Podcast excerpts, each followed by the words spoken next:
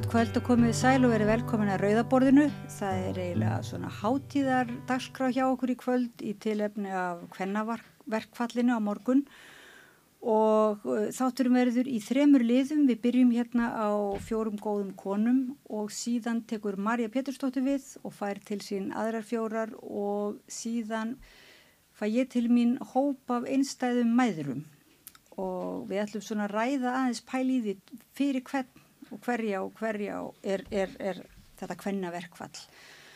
Uh, hjá mér í kvöld er uh, komnar hérna Þorgerður Jenjadóttir Einarstóttir, kynjafræðingur, Guðrún Ágústóttir sem tók nú þátt í að stopna rauðsókarhefinguna, hvorki mér nýmina, Solveig Anna Jónsdóttir, formadur eblingar og Anna Kristín Blöndal Jóhannesdóttir, hjúgrunafræðingur og þá bara byrjaði að spyrja hverjir voru hérna í verkvallinu 1975 ég verði að segja að ég var þar sko á hérna með mömmu, ég var nú bara lítill Sko, ég, núna verði ég að gera jafningu ég uh, vann sem sagt að undirbúningnum og fekk það mikilvæga hlutverk að koma fyrst fram ofinberlega með hugmyndina sem kviknaði hjá Rauðsókarhefingunni kannski bara þegar hún var stopnud svona kring 1970 þá að byrja að tala um hvað getur við gert til að vekja aðtegla á því að, að það sem við gerum skiptir máli, það sem konu gera skiptir máli, hver,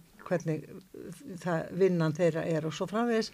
Og þá eru svona einhverjar heyrast svona rattir en bara leggja niður vinnu, en bara verkvall, en bara frí. Og það eru svona aðalega þrjár konur sem við höfum grunaður um að hafa fengið þessa hugmynd og síðan hérna þegar að e, það er ljóst að það verður, að saminuð þjóðunar eru með sem sagt hvenna áratug og sérstakkan baráttu dag 24. oktober 1975 þá ákváðum við í Rauðsakar-heifingunni að stopna, stefna að því að e, halda hvenna frí eða hvenna verkfall eins og við köllum það og ég var sem sagt og við byrjuðum á því að kynna þetta lálunar ástefnu söpnuðu saman konum í, í hérna öllum stjættafélögum láluna kvenna. Það var stór hópur og eh, er ennþví miður og e, þar sem sagt lagði ég fram þessa hugmynd fyrir hönduröðsokkarhefingarinnar sem held ráðstöfnuna og það var samþygt, allir vildu endilega að þetta er það veruleika og þá byrjuðum við sem sagt á fullu að undirbúa þetta höfður samt verið svolítið að þessu. Og þá eh, við kallum þetta verkvall og svo er haldið svona stór fundur á loftleðum um sumarið þar sem er eh, borin upp þessi tillaga, engum að gera þetta eða ekki. Og þá koma ákveðnar konur fram og segja við munum aldrei taka þátt í neinu sem heitir verkvall mm. og þá hugsaðum við bara með okkur og þá verður þetta ekki svona stór viðburður eins og við hefum vonað. Og þá steg eh, hérna Valborg Bentstóttir, blessu sér minning hennar, fram og sagði ef þið eru á mótið að kalla þetta verkvall, akkur kallum við þetta þá ekki bara hverna frí? Og þá voru allir tilbúinir að vera með. Og ég er enn pínu svegt að þetta mátt ekki vera verkvall, þess vegna finnst mér gaman að það skulle vera verkvall á morgun.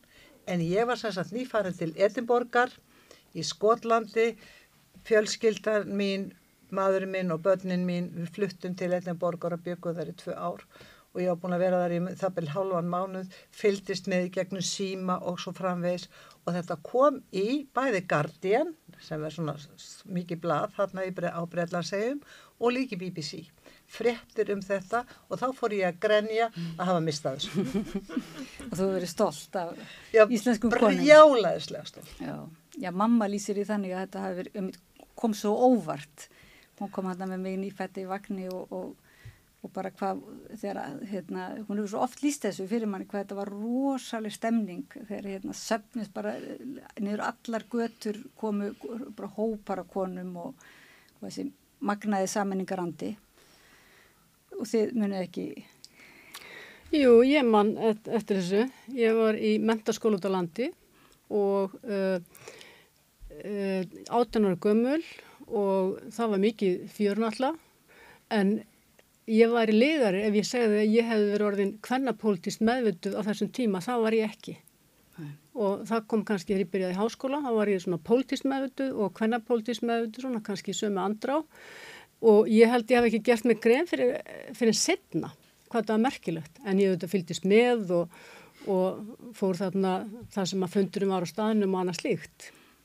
Og nú verður þetta svona einhvers konar kennileiti, er það ekki í landslægi feminismans á Íslandi, þetta, þessi viðbörður mm og, og morgun á að sko ekki beint að endurtaka en er, er þetta ekki svona viðbörður sem á að uh, bara kallast á við þennan upprunalega viðbörð og, og hérna, okkur, mér langar svolítið að mynda að spyrja ykkur hérna, svona, hvað haldið þið að þessi viðbörður eigi að hann, framkalla á morgun? Ef, ef þú getur ímyndað ykkur og ef þú verður ekkit aftur sko, hafa ekkit komin að aðra hugmyndi fram síðan þá? Því miður þá erum við ekki búin að ná í að breytti og það er auðvitað, sko það er, tve, það er tvent sem verður að leggja áherslu á núna og það er ofbeldi gegn konum kyn, kyn uh, þú veist, uh, hérna ofbeldi gegn konum heimisofbeldi og, og kynferðislegt ofbeldi og því miður þá er það en þá við líði, hvað er ekki, talaðum að 41% hvenna á Íslandi hafi orðið fyrir annarkort andlega eða líkamlega ofbeldi einhvern tíman og svo er það lágu launin. Og þetta hangi svolítið saman að því að konur sem eru með lág laun það er eiga ekki gott með að losa sig út úr uh, hrigalegum heimilisaðarstæðum, það er hafa ekki fjármagn og og hafa ekki fjárhagslegt sjálfstæði og þess vegna gengur þeim kannski ver heldur en efnuðum konum að losa sig út úr hörmulegum ábeldis aðstæðum. Mm. Og þetta er það tveit sem lögður áhersla á, á morgun en við vorum með miklu fleira undir og vorum með hérna, fóstureyðinga lögjöf, konur, frelsi, kvenna og og leikskóla fyrir öll börn og uh, fæðingar orlof og allt mögulegt sko sem við höfum náð fram og þetta er í raunni þar sem við þar sem konur telja að við stöndum verst að við það er sem sagt efnahagslega og ofbeldi sem við búum við. En nú er þessi viðburður svolítið verið gaggrindur og, og, og meðlan þess að allt er hérna í, í grein sem hún skrifaðir, flottir í grein þar sem hún svona það er ekki alveg ljóst bara einhvern veginn til hvers þessi, þessi viðbúrið er. Þetta er einhvern veginn eins og hátíðadagsgrá og að minnast sannlega um, mikilvæg starfs en þú kannski spyrði hvort þetta sé einhvers konar ræstni. Já, nei, ég sko skrifaði á grein í morgun hérna uh, meðan unga barn mitt var í morgun lúrnu sínum. Þetta gekk nú allt frekar hrætt fyrir sig og hérna en það, það var ekki, ég var ekki gaggrinn að viðbjörnum sjálf, viðbjörnum sjálf er hérna öllningunum bara frábær sko um, ég var að gaggrina í rauninni Reykjavík og borgi þessum pysli uh, fyrir að deyða skreita sig með um, baráttu kvanna uh, um leið og Reykjavík og borg í rauninni hérna kúarkonur mm. kúarlálunum konur um, uh, lætur okkur og konur vinna í ömulegum aðstæðum og borgaði skítalegn fyrir e, í sko störfum sem að eru grunnstóð borgarinnar, mm. grunnstóð samfélagsins. Ef maður væri ekki e, konur og kvár að vinna í leikskónum borgarinnar, það myndi ekkert ganga í borginni. Engin getur farið til vinnu, engin getur syndneinu, það, bara, það gefur augalið. Um, og Reykjavík og Borg sem sagt stiður, uh, segist stiðja konur og hvar í baráttu sinni um, en heldur samt áfram eða sínir ekki eh, neitt vilja til þess að bæta starfsaðstöður mm. fólks eða jafna laun eða nokkuð. Já. Um, þannig að ég var alls ekki, ég var ekkert að setja út á viðbúrin sjálfan, bara alls ekki. Nei, nei, fyrir, ég, það, setja, er, það er minn rugglingu sko, ég, ég meinti eiginlega bara það er, sko viðtökurnar mm eru svona, það eru framsóknarkonur alltaf baka, eða kallatinn alltaf baka vöflur handa konunum og það, það er svona.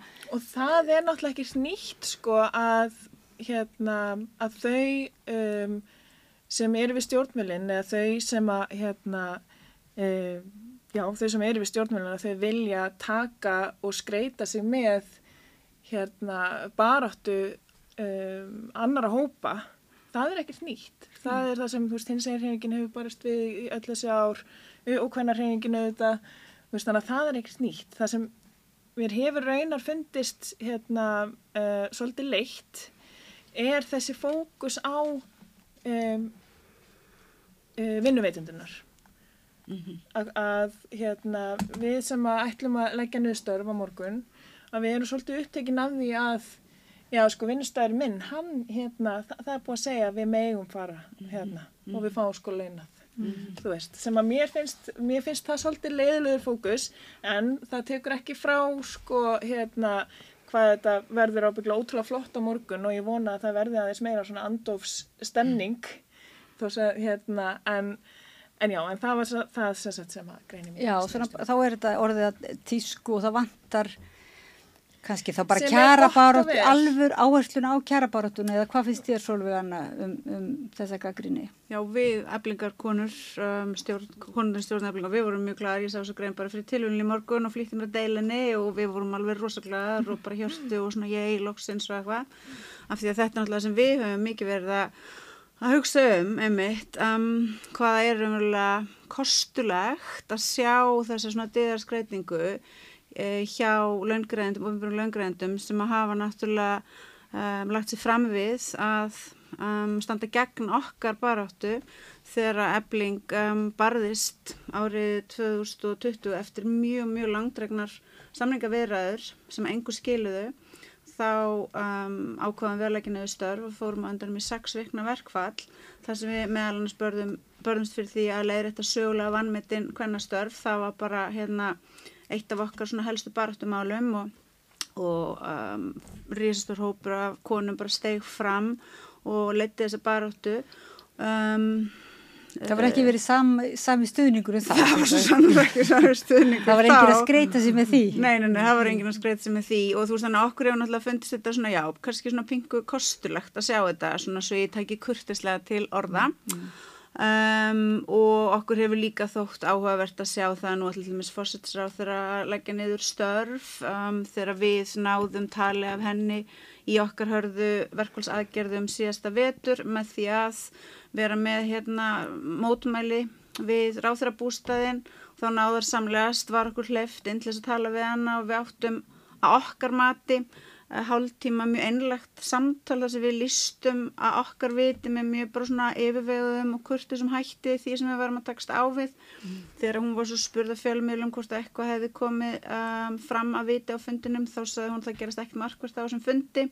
Um, þú veist það er að náttúrulega skoða svo margt sem að amar að í lífi eblingar fólks og að sérstaklega eblingar kvenna sem að á þessum tímapunkti koma verst út í öllum svona efnagslega mælingum. Um, og það að þeir koma verst út í öllum efnagslega mælingum hefur náttúrulega þau áhrif að þú veist andli helsa þeirra, hún er mjög slæm 50% eblingar kvenna, 50% eblingar kvenna meta andli helsu sinna slæma. Hátt í 30% eblingar kvenna geta ekki sé börnunum sínum fyrir bara svona mest basic hlutunum eins og jól og ammæliskjöfum þáttöku í frístundum. Um, eblingar konur byrja hræðilega þungabyrði uh, vegna húsnæðis. Þannig að þegar við svona skoðum þetta allt horfum svo á valdastjættina og sagt hennar í því að viðhalda og skapa þetta ástand en samt viljan til þess að þeim mitt digða skreita sig á stundum eins og þessum þá hérna finnst okkur það svona já okkur finnst það í það minnsta kostulegt og kannski eitthvað meira en það. En, en Þorgerður, sko, þarna er kannski, er hægt að gaggrýna þá sem er að uh, skipur ekki viðbyrðin fyrir það að leggja áherslu, einmitt þú segir það sem út af stendur, það er náttúrulega kjara baraton en það er ofbeldið og, og svona eitthvað sem saminur okkur öll kannski og það er áhersla svolítið núna hins og hjá stígamótum í auglýsingum og hver sem er getur við ofbeldismæður og, og hvaða kona sem er getur orðið fyrir ofbeldi. En, en gerir það þá eitthvað, rugglar það eitthvað umræðina þannig sem sagt og dregur þá kjara baráttuna svolítið í skuggan? Það sem að mér, mér finnst svolítið meðan dag, sko nú er verið að halda eftir sjönda sinn frá 1975 uh, og þetta hefur orðið eins og þú nefndir hérna áðan mjög, mjög mikilvæg kannski vatnarskil og þetta er, þetta er viðbyrðu sem verður alveg heimsfrægur. Hann fer út um allan heim og ég finnst mjög mikilvægt og gaman að rifja upp þetta með láluna rástefnuna. Þetta byrja sem svona e, pólitísk pólitíst rótök reyfing og það hangi líka saman við svona tíðarandan á þeim tíma að hérna rauðsökur reyfingin hún sprettur þarna upp úr 68 reyfingunni, hún verður nú sósialísk, hann 74 fræður í ráðstöfnu á skóum Hvennabaráttu, stjættabaráttu. Hvennabaráttu, stjættabaráttu og það kvarnast nú úr hreyfingunni þá og það er aldrei merkilegt að rifja upp hérna rauðsökurhefinguna núna finnst mér það mjög lítið talað um senustu fimm árin hennar. Það er bara, að mest talað um þessi fyrstu. Eh, en svo er þetta gert eh, þannig á nokkur ára fresti og ég líti á þetta fyrst og fremst sem kannski svona tákgrannan viðburð fyrir svona samstöðu og baráttu vilja. Mm. Ég held að við engan dremt um það að, að, að launa með kynjan er til dæmis útrýmt. En þetta er til að minna á það til að hérna e, kannski styrkja samstöðuna og mér finnst þetta aldrei skemmtilegt núna að það sé komin aftur e, svolítið rótagnisbrottur í þetta við erum náttúrulega búin að sjá mikla breytinga núna síðustu árum með, með kjöri sólverðan í eblingu, drífa snættal í ASI, það er sem að hérna konur hafa verið í fórustu og eh, svolítið kannski hvenna bortið stjættaborta það er svolítið búið að slá þann tón síðustu ár. Og eh, eins og ég segi þetta var heimsfrægt og 2016 að þá verða hérna, þá eru verkvöld, hvenna verkvöld í Póland og Argentínu e, til að mótmæla hérna bann við þungunarofi og svona bara mótmæla kynbundna ofbeldi. Og frá 2017 þá hefur verið það til alþjóðlega hreyfing sem heitir bara International Women's Strike. Mm. og mér skilst að sé minnst þú veist 50 lönd sem hafa tekið þátt í því með einhverjum hætti. Og þetta er til dæmis hreyfing sem hafnar nýfrálsíkju sem margir vilja meina við höfum, við höfum verið náttúrulega lifa mikla nýfrálsíkju kannski síðastliðin 20 ár. Hafnar sem sagt hérna, hvað var að segja, jafnbreytti á fórsendum hérna kervisins og mér finnst pínleiti vera að slá þann tón svolítið aftur núna til að spara með því að endurhemta þetta orða verkfall. Mm -hmm. Uh, en að sama... Þú skrifaði, grein, þú skrifaði nú, já, gerði rannsókn er það ekki á, á hruninu, Jú. á kynjafræðilegu vinkli og, svona, og karlmennsku í nýfrjálfsíkju. Já, við kynjagrendum, vorum fengið til að kynjagrenna hérna, skýstur rannsóknarnir með aldringis. Það voru alltaf kallar í hérna, fórustu og og svo kom hann allir þessi bilgi eftir hrunið, hérna konur til bjargar, kalla voru búin að kera landi í þrótt og, og þá kom svona svolítið leðlisíkja nóttu konur að, að bjarga þessu, mm. þannig við, við kynja greindum það. Og ef við myndum kynja greina núna þennan viðburði á. Já, en mér, mér langar að segja líka, mér finnst mjög mikilvægt, ég held að þetta sé mikilvægt fyrir samstöðuna að hérna, svona tákgrænt fyrir hérna samstöðu og baráttu anda. Mm og ég held að það sé svolítið mikilvægt að komi fram þessar rattir sem að þeir eru með hérna Solveigana og hérna, Anna Kristín. Að hérna uh, við ætlumst alltaf til að konur séu sammála. Mm. og það er, ég menna það, það er þykir veikleika merkja og hvennar hefingunni, konur er ekki allar sammála og hafa aldrei verið sannilega í hérna rauðskurhefingunni og það vantar svolítið að gera ráð fyrir því að sjálfsögur alls konar skoðanir, alls konar hérna, átök og, og spenna og það verður að vera, mér finnst þetta svona hraustleika merki að fá uh, þessa áminningu Já. frá ykkur báðum og, og sömulegis kannski að viðtal hérna var ekki við framkvæmdastur og samtaka aturlýsis hvað er gera fyrir kvöld í, hérna, í ríkisjónarpunu og ég segi bara ok, það er bara gott að afhjúpa svolítið, þetta eru sjónamið sem við erum líka eiga við. Já, ég að segja það, ég kunna að meta þessar hinskilni hjá henni sko. hún, var þessi, hún var ekkert að það var engin sig það var engin dygðaskriðting þannig að mér það svolítið sína sko hérna, það held ég líka ít okkur svolítið áfram og halda okkur við efni því þetta má þetta ekki bara vera ykkur hérna hátíð og hættan er eins og þið hafið báða að tala með um, í skiliku þannig með svo orðið dýðarskriting hættan er þetta þú veist þetta verði markasvenga því að nú er Ísland búið að skora svona hátt best, best í heimi og nú hafa það ekki að löpum og ég hef skrifað grein þar sem ég gaggrinni þessar mælingar já, já. mjög yfirbósleir einhæfir mælikvarðar og þröngir og, og, mm. og, og svona handáskendir hættan er þetta svona markasetning mm. á landinu mm -hmm. og það hefur verið svolítið markasett sem þetta mhm. best í heimi og auðvitað er að gleyðast yfir því sem maður hefur áunist en það er líka mjög mikilvægt að vera krítiskur mm. og halda bæði stjórnvöldum á tánum held ég og líka raunverulega bara hvernar hefingunni. Mm -hmm. Við erum bara gott af því að hérna fá svolítið Já, ég ætla að segja að þá komunu hinga að rauðaborðinu innflýtjandur sem voru svo voru svo hissa á því og hefur orðið fyrir svo miklu vombriðum með Ísland og svo Mm. bara, eh, sko, Íslandingar eru bara PR-mistarar, einmitt Mm. þessi markaðsvæðing á, á réttlætinu og, og, og hverjættindunum Frend í dag, myndi þetta- Katrín Jökulsdóttur í Guardian.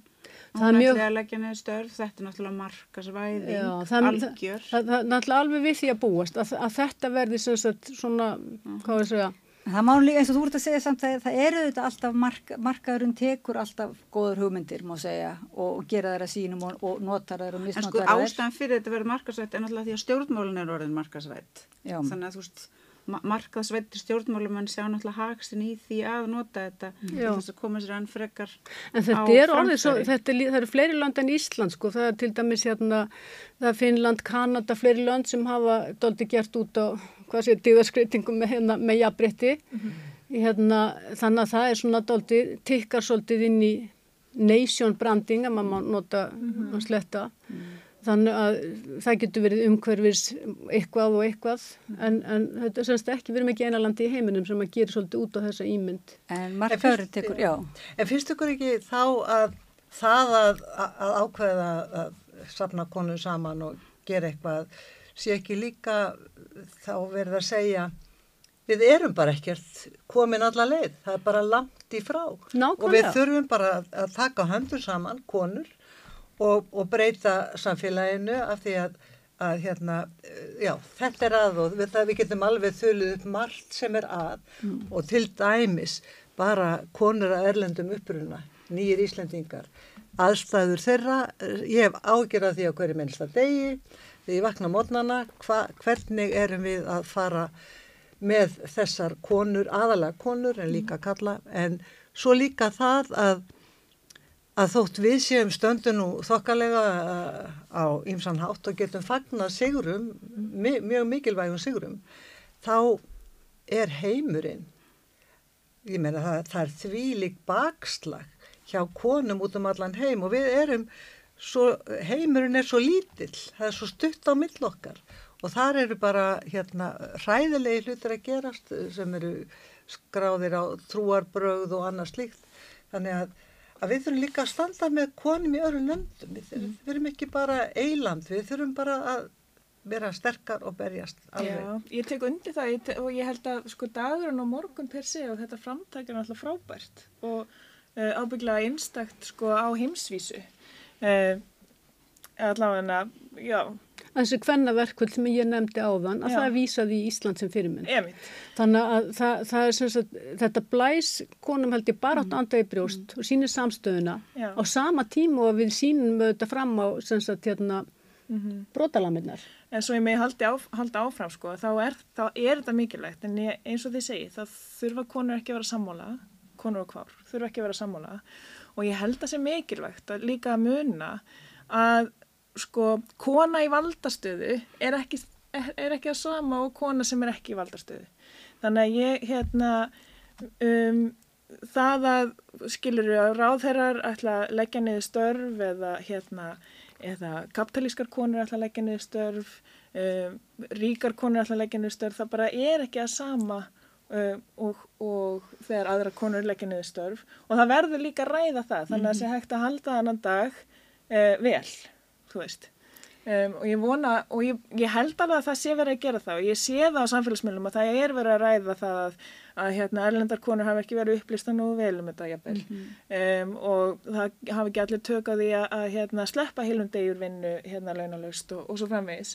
Og það er kannski ekkert hægt að gera til að breyta þeim veruleika en uh, bara það að við, skulum, að við séum að tala um það, ég held að það skipti óbúslega miklu máli.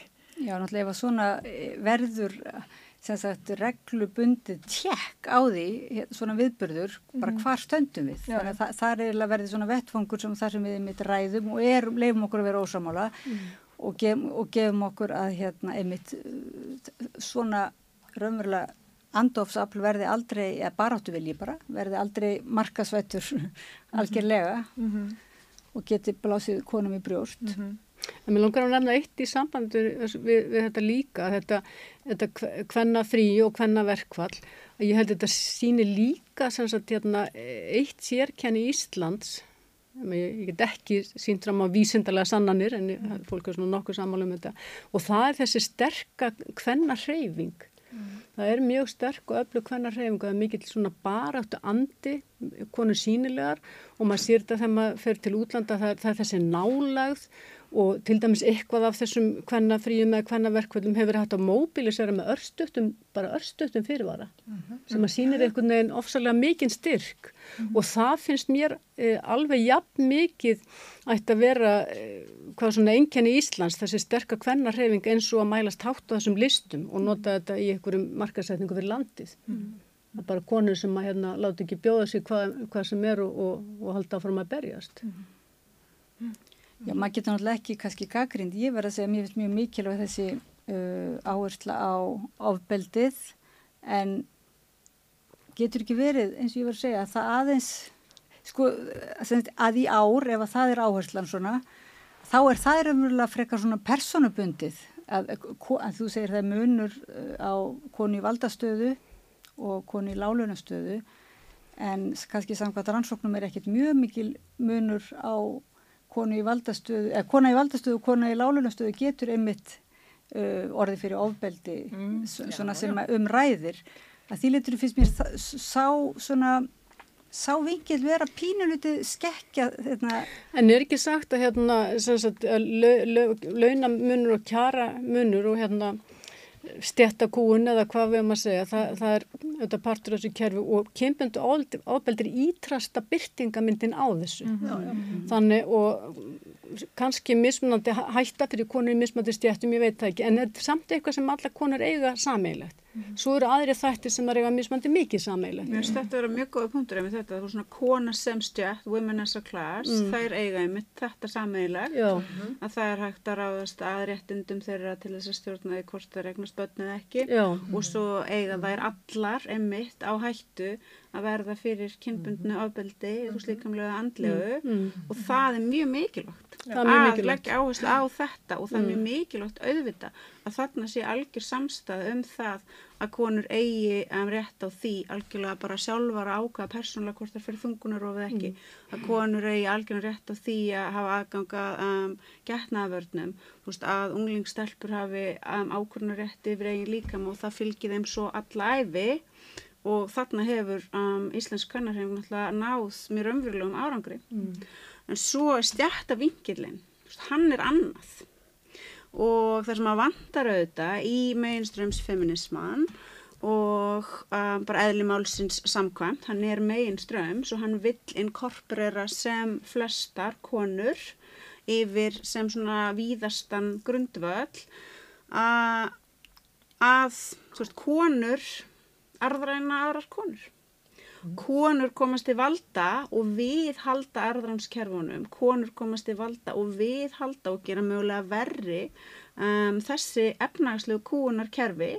Um, konur hafa verið við völd og það hefur ekkert verið gert til dæmis í því að laga hinn hræðilega húsnæðis vanda sem að þetta rústar lífi hvenna og batna þeirra þannig að þú veist þarna er bara inherently antagonismi það verða bara átök þarna mm.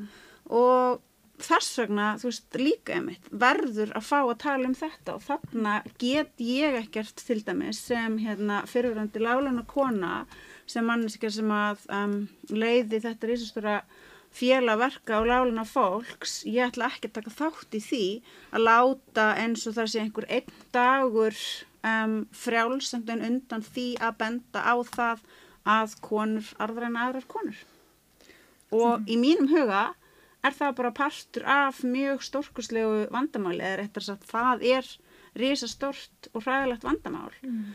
og mér finnst þetta bara mjög leitt að um, það sé ekki hægt að vera með bara svona sterkar og meiri fókus á þetta þegar við skoðum bara niðurstöður til dæmis kæra tölfræði nefndar þegar við skoðum niðurstöður allra útrekninga um það um, hverjir hafa það í efnagslegu samingi verst, þá eru það verka á lálunakonur og þar hafa það langverst þar hafa það verst um, verka á lálunakonur innan ASI mm. þar hafa það verst af öllu ASI félagunum mm -hmm. verka á lálunakonur í samanbörðu við konunar í BHM þar hafa það verst, skiljið, þú veist, það er bara allstaðar, að að ekki að, þeim. þú ert ekki að taka þátt í þessu eða þið og þú ert ekki að hvetja þitt Já, ég meina, ég er bara í sammála því sem hér hefur fram komið með það, sjálfsögur er þetta mjög merkilegt, um, þetta er merkilegu partur af, þú veist, okkar arfleið og viðbyrðir eins og þessir og konur eins og þið sem tóku þátt í að skiplega og komið svo á stað og kenna, veist, minni kynnslóð og ég get svo kent vonandi næstu kynnslóð hvað það er að vera kvennirtindakona, hvað það er að vera rauðsokka, hvað það er að trúa því af öllu hjarta að ég eigi líka með minn sjálf og það með engin ráða yfir um nema bara ég, allt þetta, þú veist, þetta er náttúrulega ekkert smá mikilvægt. Og guðmenn góður hvað líf okkar væri, þúsundsunum verra ef að þessu stórkurslegu réttinda og framfæra skref hefði ekki verið um stígin og eina leiðin til þess að ná þeim vannáttulega mitt af því að það var hægt að saminast um þetta og af því að það var náttúrulega þessi rót ekki undirtótt á þessum tíma sem að stýrði þessu. En að vissu leiti erum við náttúrulega komin á stað þar sem einmitt út af því að það er líka alltaf þessi svona krafa um að við eigum einhvern veginn að vera bara sammála og að á endanum síðu konur einhver svona einsleitt hjörð sem að hljóti bara eiga allra sömu hagsmuna að gæta þá, þá getum við endað á svolítið slæmum stað. Og til dæmis konurnar, eflingakonurnar og aðra láluna konur, ófælarða konur sem að starfina á leikskólanum þær eru þarna í þessu grundvallar hlutverki sem að Anna var hér að, að minnast á og var svo frábæra að skrifa þess að grein um. Um, halda öllu uppi eru náttúrulega mjög partur, mikilvæg partur af því að hér er kvennfrelsi og hér geta konur tekið þátt á atvinnumarkaði af því að það er 95% allra barna sem var í leikskóla. En þessa konur hafa verið þangur til bara fyrir skömmu síðan algjörlega ósynlegar, algjörlega jásettar algjörlega óávarpaðar. Mannskjur sem að veist, þurftu bara svo sannarlega að taka barstuna í sinni einn hendur. Að þau voru allir alveg saman um þær og af því þær voru bara séðar sem bara raunverulega partur af kerfinu. En Sólveig, þær voru bara ekki eitt þetta með Já. og voru ekki einu svona, svona autonomous, þú veist, hér er ég kona En væri þessi svona, með bara geti stóll þetta ekki verið einhvers konar svona, þú veist, tilefni eða tækifæri til þess einmitt að kom, minna á, minna Já, á þessar konur. náttúrulega hefur farið í síðan 2019, ég veit ekki hvað oft í verkfall og í hvert einsta skipti hefur náttúrulega fókusin verið mjög svona koncentreraður einmitt á um, kjör kvenna Mm. En þetta er náttúrulega ekki verkfall, þetta er symbolist, þetta er gjörning, þetta er meira eins og árangri. listrætt gjörningur eins og, eins og ég sé Nei, Þetta- nei, nei, það, svona- það er, ég, ég er ekki saman því, þetta er vissulega verkvall, það eru konur að legg- leggja niður störf, þó svo að það sé komið þessi óheppilegi vingill að hérna, vinnustæðinu þurfa endalega að gefa þeim leiði til þess, en þau eru samt að leggja niður störf.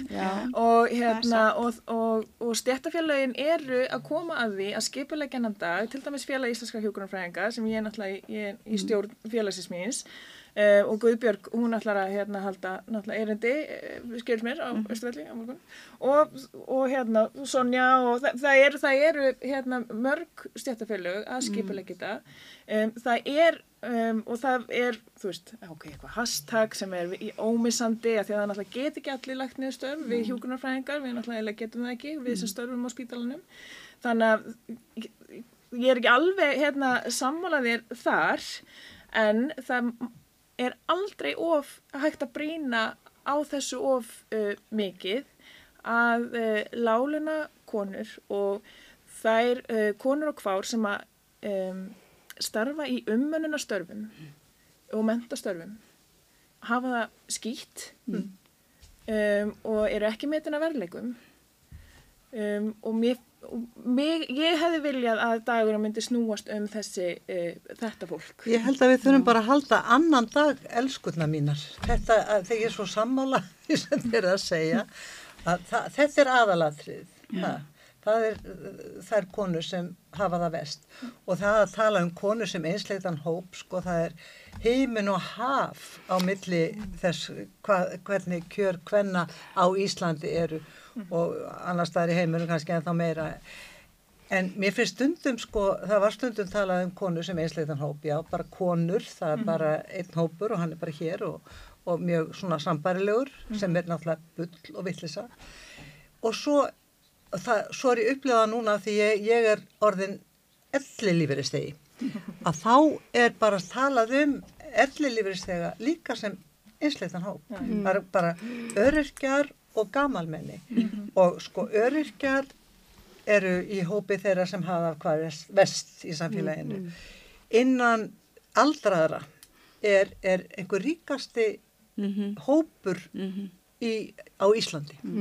Bara stór hópur efnaðara eh, gamalmenna og að tala um okkur sem einsleitan hóp er álíka vittlust eins og að tala um alla konur séu eins. Hins vegar, mm. ætla ég að koma því að að þegar að mikið liggur við, þá getur samtakamáttur kvenna í einstökum málum skipt gífurlega miklu máli. Eins og til dæmis bara það að fá að ráði við sínum eigin líkama. Það er ekki fyrir 2019. Við byrjuðum að berjast fyrir þessu rauðsokkurnar bara upp úr 70. Já. Hvað tók þetta langan tíma? Já, 30, 40, 50, hér byrð 50 ár. Og ég tel að það skipti máli eh, hverjir eru að stjórna landinu. Og ég tel að ímislegt það sem við höfum náð fram eins og lengra fæðingarólof, eh, hérna, eh, kynrænt sjálfræði og þetta með að ráðir einn líkama og ímislegt annað, að það skipti máli að það er einhver staðar einhverja konur sem, sem hérna berjast fyrir þessu og hafa völd. Og á sama hátt og við þarna eh, konur úr rauðsokkarhefingunni vorum allt í hennu komnar þarna á einhvern Reykjavíku lista sem fekk meiri hluta í borginni. Þá farið í að, að breyta kerfinu öllu saman til þess að það er til leikskólar. Og þá var farið í, og það er ekki fyrir um eh, sko 2000 sem leikskólar verða bara sko sjálfsæðu hlutur. Og ekki enn náttúrulega komið í almennlegt horf svo leiðis en samt að þá er bara öll börn geta, það, allir fóreldrar geta sótt um að börnin þeirra fara á leikskóla, það var ekki hægt 1994 þegar ekki aukulistin kom til valda. Ég held að skipti máli að þar voru einhverjar konur sem voru, höfðu bara unni með rauðsokkarhefingunni og voru komnar til valda. Ég held að, já, Já. Skipti Má máli. ég segja, ég skipt þakka í alvöru, ég þakka móðugiðinu á hverjum einasta degi fyrir baráttu, rauðsokka og annara uh, feministra kvenna uh, fyrir því að konur hér getur fengið að ráði við eigin líka mann. Það skiptir mjög, mjög miklu máli, það hefur skipt mig mjög miklu máli og það skiptir dóttu mína mjög miklu máli. Um, og auðvitað er mjög mikilvægt að hér séu leikskólar að sjálfsögðu en það er náttúrulega ótrúlega leitt að hugsa til þess að hugssjónin um leikskólan sem er mitt svona hvern sósialist fyrirbæri sé nú komin á þann stað að manneskjurnar, mest konurnar, cirka sannlega 80% sem vinna þar um, búi við mjög erfiðar bara vinnuaðstæður, börnin þar af leiðandi auðvitað líka og að launin þeirra séu allt og láti ekki til framfærslu.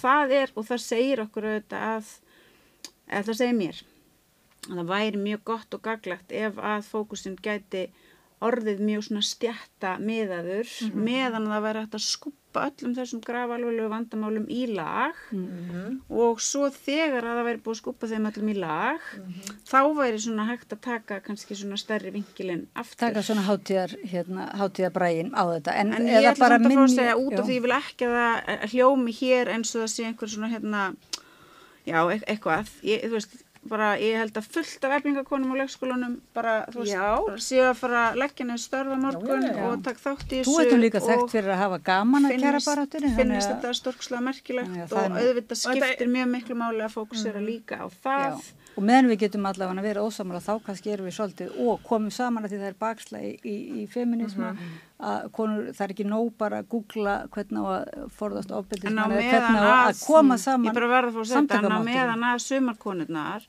sem að fá að vinna, eða sem er að vinna meðal annars hjá þessum atvinnuregnum löngreðendum sem að eru að nota þetta tækifæri og gefa frí. Þú veist, það eru konurnar sem eru á almennamarkanum, láluna konurnar eins og á hótelunum. Já, já.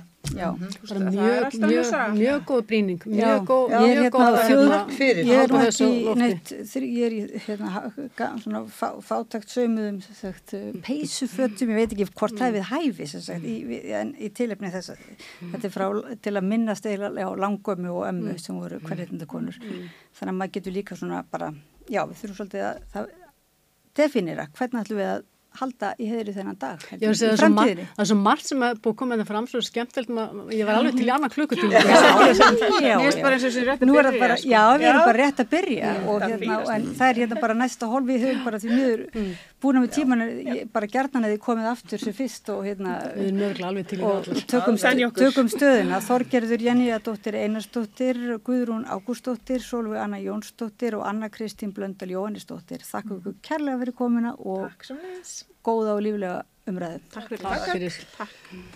Hvernig getur við réttlætt að helmingur eblingakvenna býr við slæma andlega heilsu? Ebling stjættarfélag. Baróta fyrir betra lífi.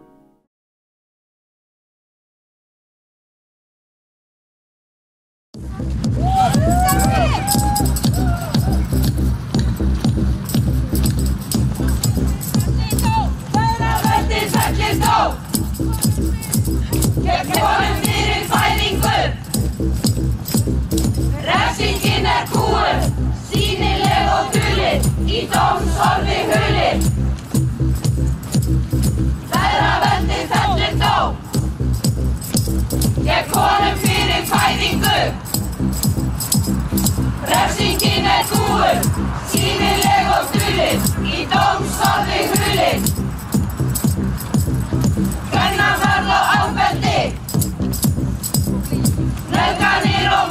mansal Og kynferðis áreitni Málin niður falla fyrir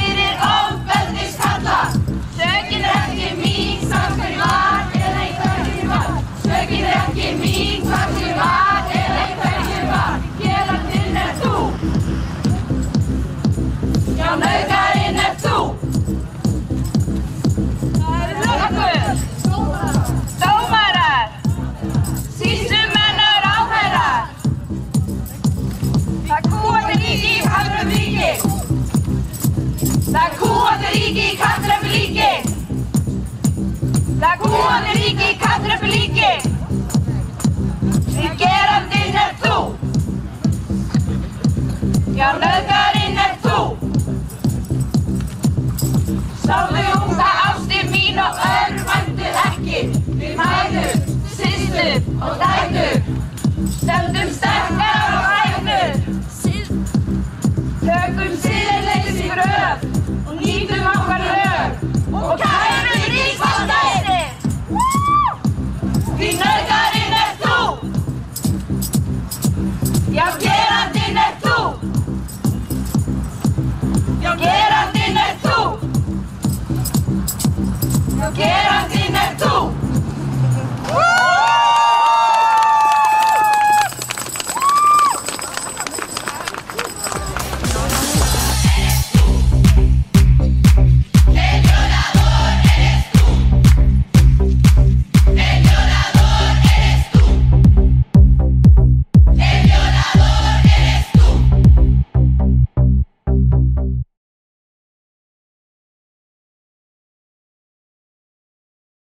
Já, hingað á rauðaborðið eru komnir uh, enn fleiri gestir að ræða kvennaverkvallið.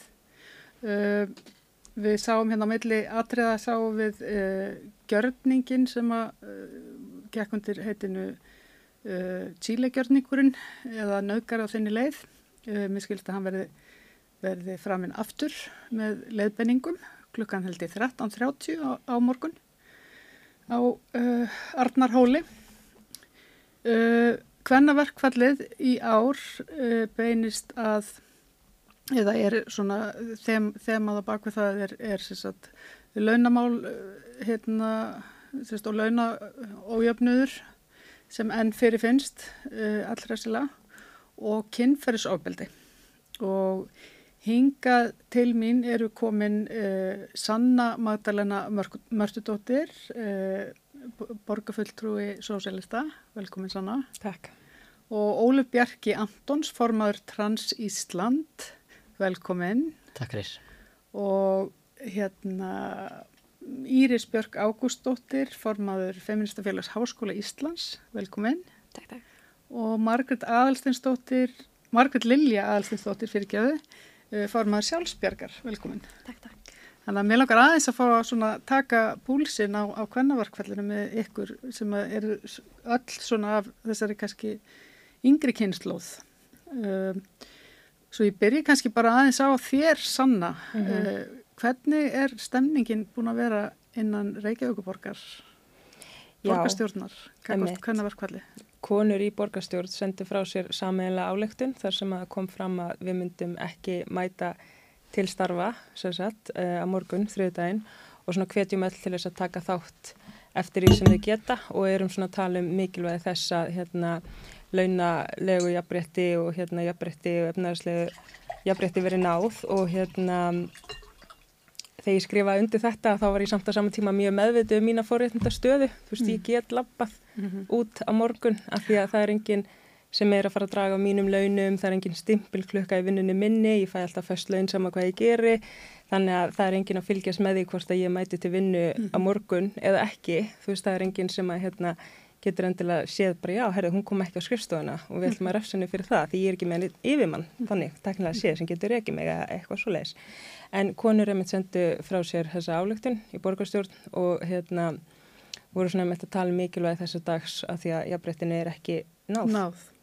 En er, er Reykjavíkuborg að gera nægilega mikið til þess að ná Sko, það er náttúrulega hérna... jafnréttinu? Er ekki svolítið, það er svolítið Já. verið borðið á því að, og þar rættu þetta held ég einmitt konunar hér áðan Mm að, uh, já, eins og til dæmis leikskóla starfsmenn og, og eflingakonur. Mm Borgin Hjá gefur það út að hérna, hún mun ekki draga af launum þeirra sem að taka þátt í deginum á morgun en á sama tíma þá hérna hefur Já, þetta verið já. kallað svona degða skreitingurinni af því að það er ekki verið að greiða sem sagt, eh, þeim sem er í láluna svona hefbundum kvennastörfum nóg til þess að lifa út mánuðinu og gegnum árin. Þannig að þú ætlar að vera á einhverjum svona einum degi bara eitthvað hashtag kvennafrí við stöndum með ykkur Mhm. þá virkar þetta svona byrju standið ekki með okkur alltaf hina 360 dagana Já. þegar við þurfum samt að borða út mánuðin þegar launin þurfa samt að duga þegar við erum samt að borga húsalegu alla hina mánuðina.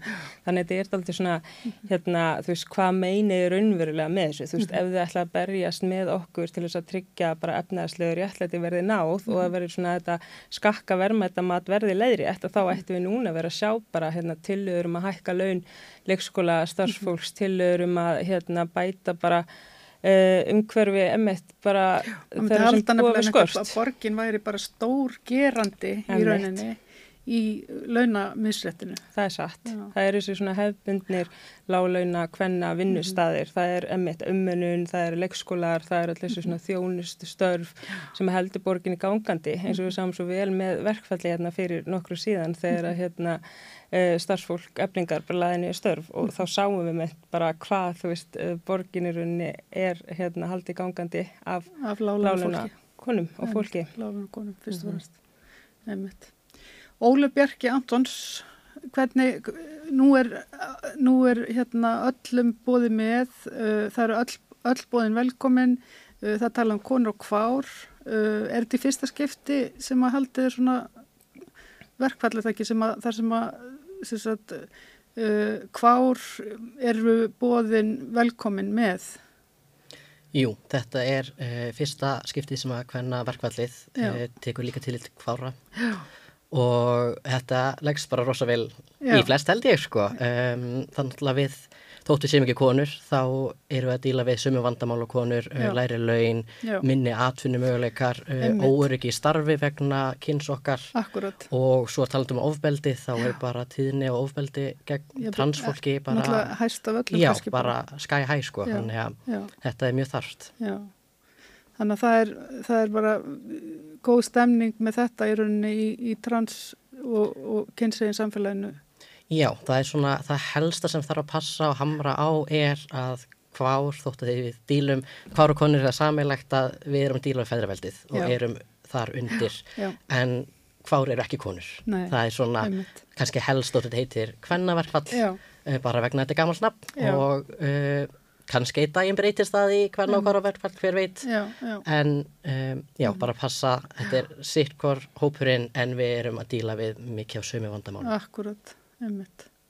Og í rauninni, meiri sér líka kannski, hérna, mm, þær upplýsingar hef ég úr peppinu uh, og, og EPN frá því mm, bara margt löngu síðan. Er líka náttúrulega uh, kallmenn á lágumlaunum er að díla við samskonar hluti. Þannig að kannski á endanum verður þetta bara sniði svolítið að ég veit ekki, öllum veltiði fyrir mér sko. Sko mér er líka áhugavert að sjá að mitt sko að því að núna var ég ekki fætt 1975 en mér er stóruslega gaman að skoða myndir frá sem sagt fyrsta kvenna verkfallinu um, og að sjá að mitt sko þá tók ég meira eftir svona eins og hérna kvennabaróttir kjarabarótta, Já. jafnréttisbarótta, stjættabarótta Nákvæmlega. þannig að þú veist það er eins og kom fram í umræðunirna áðan þá er ekki bara þetta að segja að þú veist konur er einsleitur hópur Nei, eða þessi nákvæmlega. hópur eru bara eitthvað öll eins þetta snýst Já. líka um að uppræta þetta efnaðslega óréttlæti sem að heldur emitt mm. Mhm. mörgum konum í viðkvæmristu niðri og öðrum svona jáðarsettum hópum öðrum jáðarsettum hópum, Já. það er nefnilega málið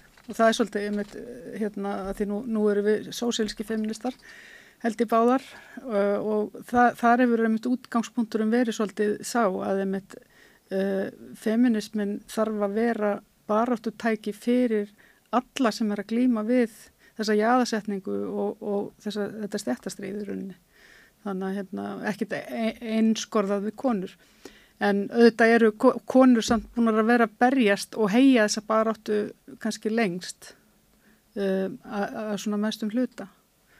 Um, hvernig hérna, um, nú er, eh, sem sagt, hafið, hvað, þú ert Íris formaður uh, hérna, Feminista. Feministafélags Háskóla Íslands. Já. Hvernig er stemningin í háskólanum? Sko, ég myndi segja hún sé almennt mjög góð. Já. ég veit allavega, ég veit um marga kennara sem er að leggja niður störf, ég veit að stúdendaráð mjög virt og er hvetja nefnendur til að taka þátt við sjálf hvetjum líka nefnendur. Um, ég held að sé mikið um miskilninga Já. á hvað þessi dagur er. Já. Ég er að vera rosalega vör við það að fólk sé bara spyrja mig hvað er þetta, hver er taka þátt í þessu. hvers konar kvennaverkfall, hvað er- er þetta bara eitthvað frídagur fyrir konur? Já. Uh, hvað er í gangi? Það er náttúrulega miskilningurinn að þetta var upprænlega hvenna frídagurinn, Já. nú er þetta hvenna verkfall sem er Mhm. náttúrulega meira lýsandi nafn. Þetta er samt hvorki verkfall, nýja frídagur, þetta er svona blanda milli. Svo ég myndi segja almennt sé, sé staðan fyrir góð, Já. en það er leiðilegt hversu mikill miskilningur er í gangi Mhm. og mér finnst þess að það þurfa að adressa nákvæmlega hvað þetta er og það sé mikil svona bandi upplýsingar í kringum þetta. Mm. En það er kannski, maður veltiði fyrir sig hvort að það sé að því að því þetta er náttúrulega dagur, sko ég hef við erum svolítið gaggrinda hérna í, í þáttánu sósílski feministar við Sara Stef að hérna við erum alltaf svona svolítið að leita nútíma feminisma að því hann er, hann er ekkit rosalega áþræfalegur, það eru litlir hópar hér og það er einhvern veginn að berjast en, en það er ekkit allir að gera það sama og, og það er svona, þetta er svolítið tvistrað, tvistru barátta í dag finnst okkur. Og hérna og einmitt það er þessi skilgrinning sko þegar að konur 1975 eru að fara í þetta kvennaverkfall þá var einhvern veginn alveg á tæru hva, hvað var að gerast uh, að því þær voru rosalega mikið bara bundnar heima yfir börnum og settar í eitthvað svona hlutverk. Núna er þetta orðið mikið flóknari mynd á einhvern hátt. Núna eru kannski konur hérna, þær eru náttúrulega líka mikið meira út á vinnumarkaði og í námi og í MBA námi og að gera þetta og í jóka og þessu skilur og með tíu börn, að ég fætti því það er einhvern veginn það er einhvern veginn eh, þessi, já eins og Sara kallar hana heimköpskonan sem er samt allar að vera að standa sér frábærlega í barnauppildinu, við erum að sjá baksla skilur í því líka.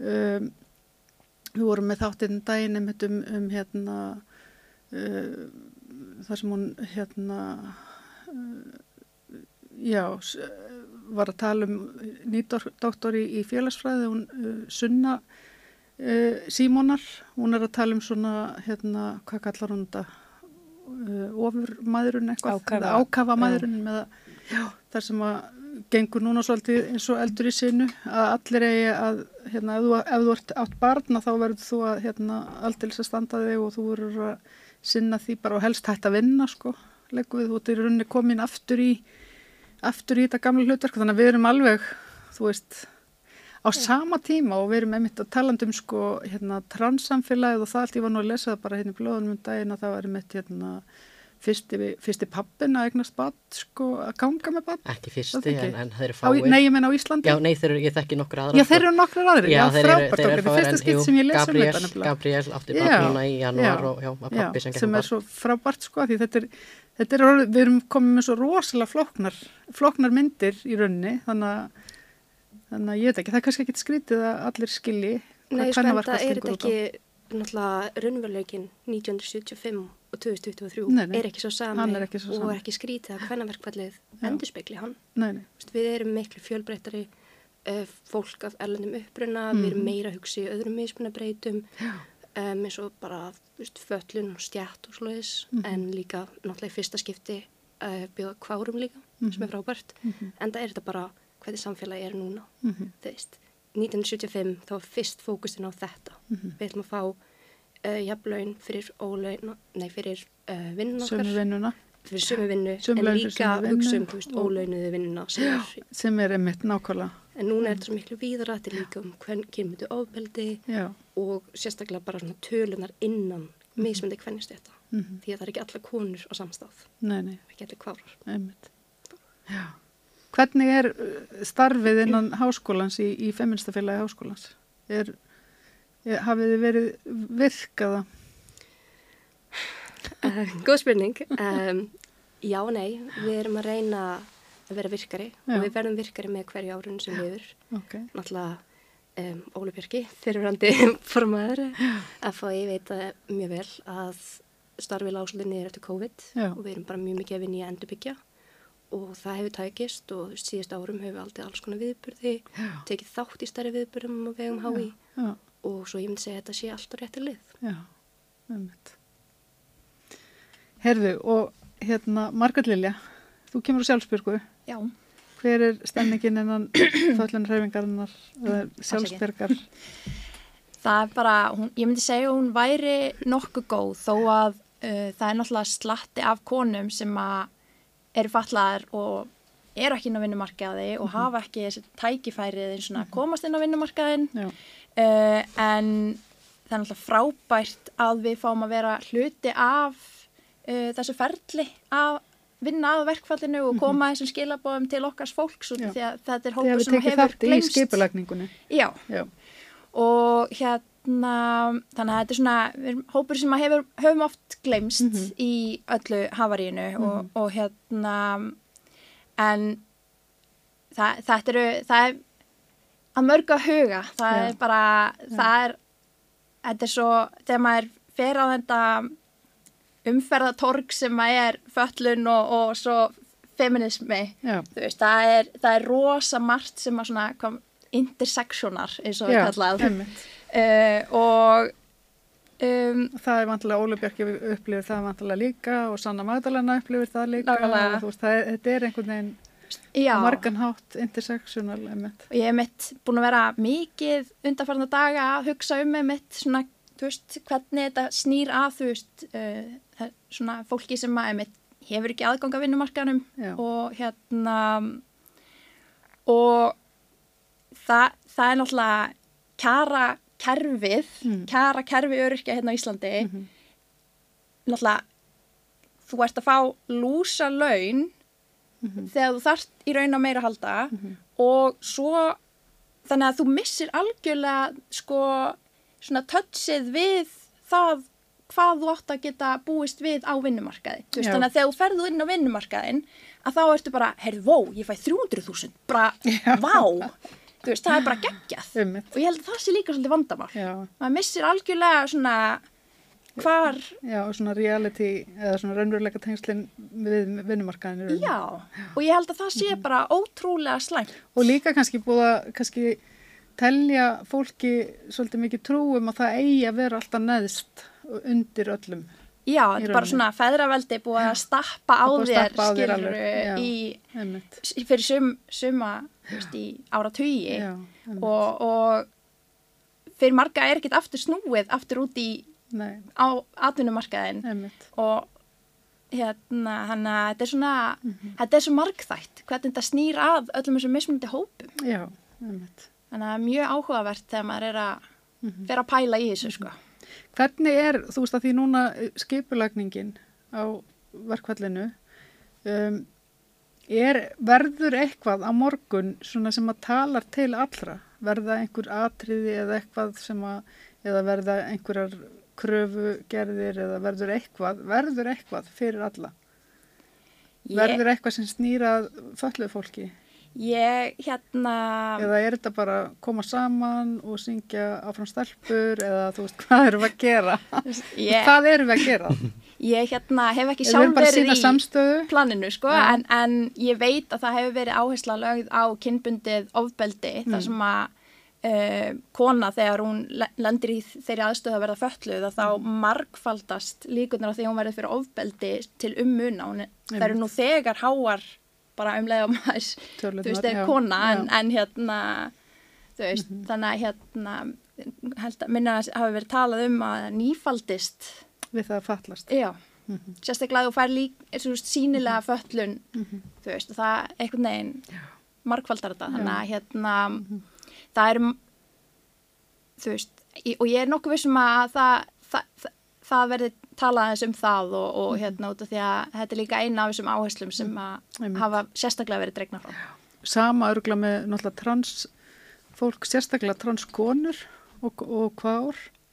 Þannig að hérna, Við erum að sjá rosalega mikið óbeldi í, gar- í garð uh, transfólks, uh, transkonur, sérstaklega uh, þær eru, ég maður veit ekki hversu mörgfald uh, líklega að verða fyrir ofbeldi heldur en, Já. en sís, sístur þeirra.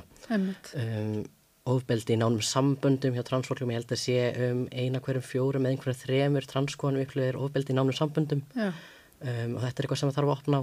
já, einmitt. Um, þannig að já, þetta er virkilega og svo við ekki með tölur allan ekki á Íslandi um kynseinfólk eða hvár Nei, en Erlendis er bara að sína eitthvað álíka. Já, einmitt. Já, þannig að það er svipaðar tölur í rauninni með, með kvár. lærri held ég en transkonur en, en Töluvert held ég hærri heldur en almenning. Já, tölvört hærri heldur en sískonur sko Já, myndi ég segja. einmitt, einmitt. Mhm. Já. En þetta er svona, já, þetta er alltaf vel falið og, Svo, svo erum við líka að sjá bara hérna á Íslandi núna rosa bakslag líka í þessari baráttu. Ég menna það voru bara, hérna, það voru, það voru svona, já, hatursfull einhver mótmáli hérna bara um helgina. bara um sko. helgina. Já, já, það, eru, það er lítill en hóvar hópur. Lítill en hávar hópur. Eh, Vallahópur, segja sumir. Já, þetta sem að taka svona yfir og eru, eru ekkert mikið til í raunum um en yfirleitt bara á kommentakerfum netinu. sko. Já, um, en jú, þeir koma núna saman og það voru einhverja nokkra hræður hérna niður á Östuvelli í vikunni en tölur fleira fólk líka sem mætti til að styðja transfólk. Já, Um, þannig já, við erum að sjá Skipti máli að mæta og, og fylgtu liði og berja skegg svona. það skiptir rosa miklu máli. Það skiptir og rosa það skiptir máli líka bara þessi litlu hlutinir, bara að setja transfána einhver staðar að Sýnilega. eh, sína, segja, því ég veit að meira hluta fólki stiður transfólk. Já, en það er ekkert að hugsa um þessi málefni og Nei. þetta kemur um ekki til að við einmitt. en við það að hunsa vandamáli þá bara vinst upp á það Já. þetta er bara svona lítið snjóbolti og ef við leifum hana bara að rúla þá stækkar hún að stækkar og það er til meiri eh, hljómgrunn sem að hattursvillu samtökin Mhm. sem eru til uh, fá því meiri líkverður að þau vindu upp á sig og, og Mhm. verði stærri Mhm. Einmitt. Já. Hvað segir Sanna Magdalena? Hvað, hvað erum við að fara að gera þarna morgun? Sko það er alltaf samstæðan sem er mjög mikilvæg og þegar ég sá þetta að vera heill dagur þá var ég mjög glöð með það. Því að þú veist konur hafa í gegnum árin verið að ganga út á einhverjum ákveðnum tímapunkti bara þú veist 14.55 Já, bara klukkan þrjú eða eitthvað, já, 14.47 eitthvað svo leiðis Já.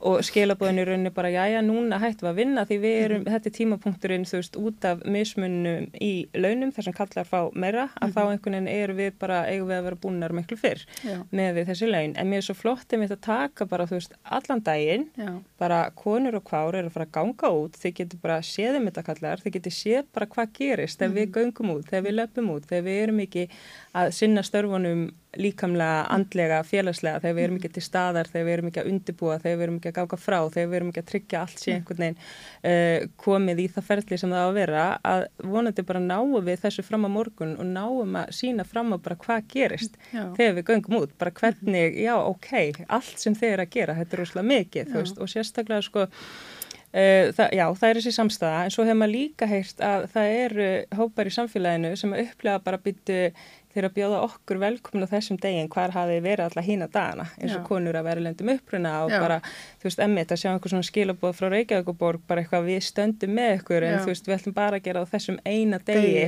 einhvern veginn, en við ætlum samt ekki að Breyta gera neitt neinu. til að emmitt Já. hérna ójafréttið og uppræta einhvern veginn það sem leifir þessu ójafrétti að viðgangast eins og til dæmis í launakjörum og hérna bara fátækt uh, og hérna þannig já, þessi dagur er með mikilvæg bara þú veist, samstaða, standa saman en á sama tíma þá er þetta eitthvað sem við þurfum að vera meðvitið um alla daga ársins, ekki Mhm. bara einu sinni ári. Já, einmitt. Haldið að þú veist, hafið trúaði að, að, að svona viðburður, við, svolítið svona, sko, mér, að, svona margt skemmtilegt við þannan viðburð, sko, finnst mér, en, en, en á sama tíma hef ég gaggrind að mitt að, að megnaði því sem gerist í svona feminískri baráttu í dag eru svona reunion. Veist, það var bara svona að vera, já, heyrði, þarna 1975 var þetta gert, við skulum gera þetta aftur. Skil, við skulum hérna minnast baráttu hérna maður okkar og eitthvað svona, en, en svona, já, mér finnst það svona algengast. Um, Það, er, það eru svona atbyrðir sem eru árlegir eins og druslugangan og Já, uh, sem já. koma, það, jú við erum að minnast núna hvernafríðsdagsins uh, en það er líka þessi virði, þetta er ástæð með komumstingað Mhm. er að stóru hluta að þeir tóku sér saman, rauðsokkurnar tóku sér saman. þakka, þakka Mm. Já, og líka bara halda áfram, núna er komið ný áherslu, Já. hópa, farin að sjá hópa sem að voru ekki sínilegir Mhm, þá mhm. uh, og það er að mikilvæga að við séum ekki bara endur nýja sama efni heldur erum að taka marka á hvernig samfélagi er í dag og hvað ber mest á að uh, horfa á. Ég held að það sé líka mitt, hérna, að því að þessi dagur sýnir fram á hvernig þetta er bara samfélagsgerðin sem að leiðir til þessu óréttlætis að sé mikilvægt að draga það fram að því að við búum bara þannig í samfélagi sem einstaklingshyggjan hefur bara tekið yfir Mm. þannig að þú veist, þú sem kona eða þú sem hvar átt bara einhvern veginn að leggja þig harðar fram, þú veist, konu þurfa bara að vera duglegri, að næla sér í hérna vellauna vinnu, þú veist, ef þú ert fátæk þá hljóta að vera þér að kenna. Þú veist, þú valdir þetta lálina starf en skilabóðinu morgun eru mitt, þú veist, lálina starf eigi vera til, eða þannig sé ég það, að það sé, þú veist, þannig geng ég inn í þennan dag, að sé vera svona undirstrykað í rauninni bara samfélagsgerðin að hún er ekki að virka.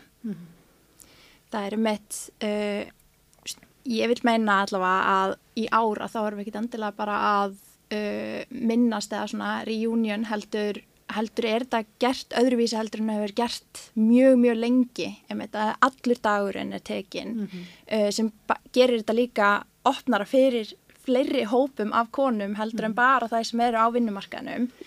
Og hérna fókusin er líka mikið á þriðjuvaktina Mhm. þú veist, sem að þú veist, jú, hann hefur verið svona undirtótn en þegar konur löpuð út klukkan þú veist, 14.53 eða eitthvað, þá þú veist, þessi þriðja vakt, þú veist, hún var eitthvað einn þá bara vinnutímin Mhm. þannig að mér, mér er mjög gaman að sé, þú veist, tekið eitthvað sem að þú veist, hefur gengið og virkaði rosa, rosa vel, þú veist, þarna sérstaklega í byrjun uh, og, og svolítið svona glætt nýjum glóðum Mhm.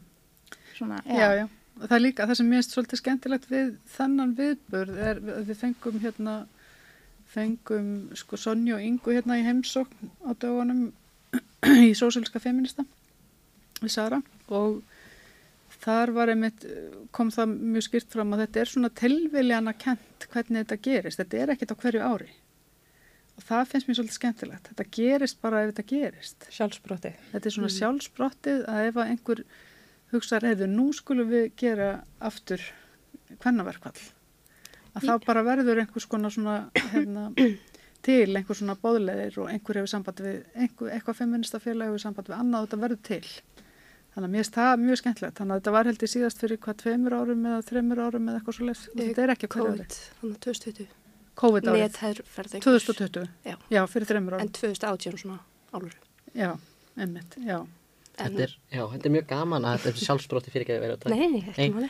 hérna, þetta er mjög gaman til sjálfsbrotti en líka þetta er eitthvað sem, sem við þurfum að huga á hverjum einsta degi. Uh, að við erum að díla við kapitalskerfi sem, sem að bara verðluna fólk verður að kallmenn. Einmitt. Um, og það er ekki bara, það gerist ekki bara á þryggjar og fresti sem að allt einu byrjaði aftur og við þurfum að, Nei. að grípa það. Þetta er Nei. viðvarandi kerfi, rótgróið og Einmitt. snertir alltaf, veist, vinkla, Mhm. snertir uh, kynþár fólks, uh, uppruna, Mhm. uh, föllun eða ekki föllun, uh, kyn, uh, kyn, bara hvað sem er í rauninni og allir þessi þættir sem eru núna að koma saman sem Mhm. að endilega voru ekki endilega 75, þá var ekki verið að taka margs til fjölbreytileika uh, samfélagsins. Einmitt. Sko, ég lít líka á morgundaginn sem raun og verið tækifæri Mhm. til að leiðrætta sálkundlið algengan miskilling. Mhm. Að því að það er þessi trú að við á Íslandi séum alltaf komin við Já, við búin.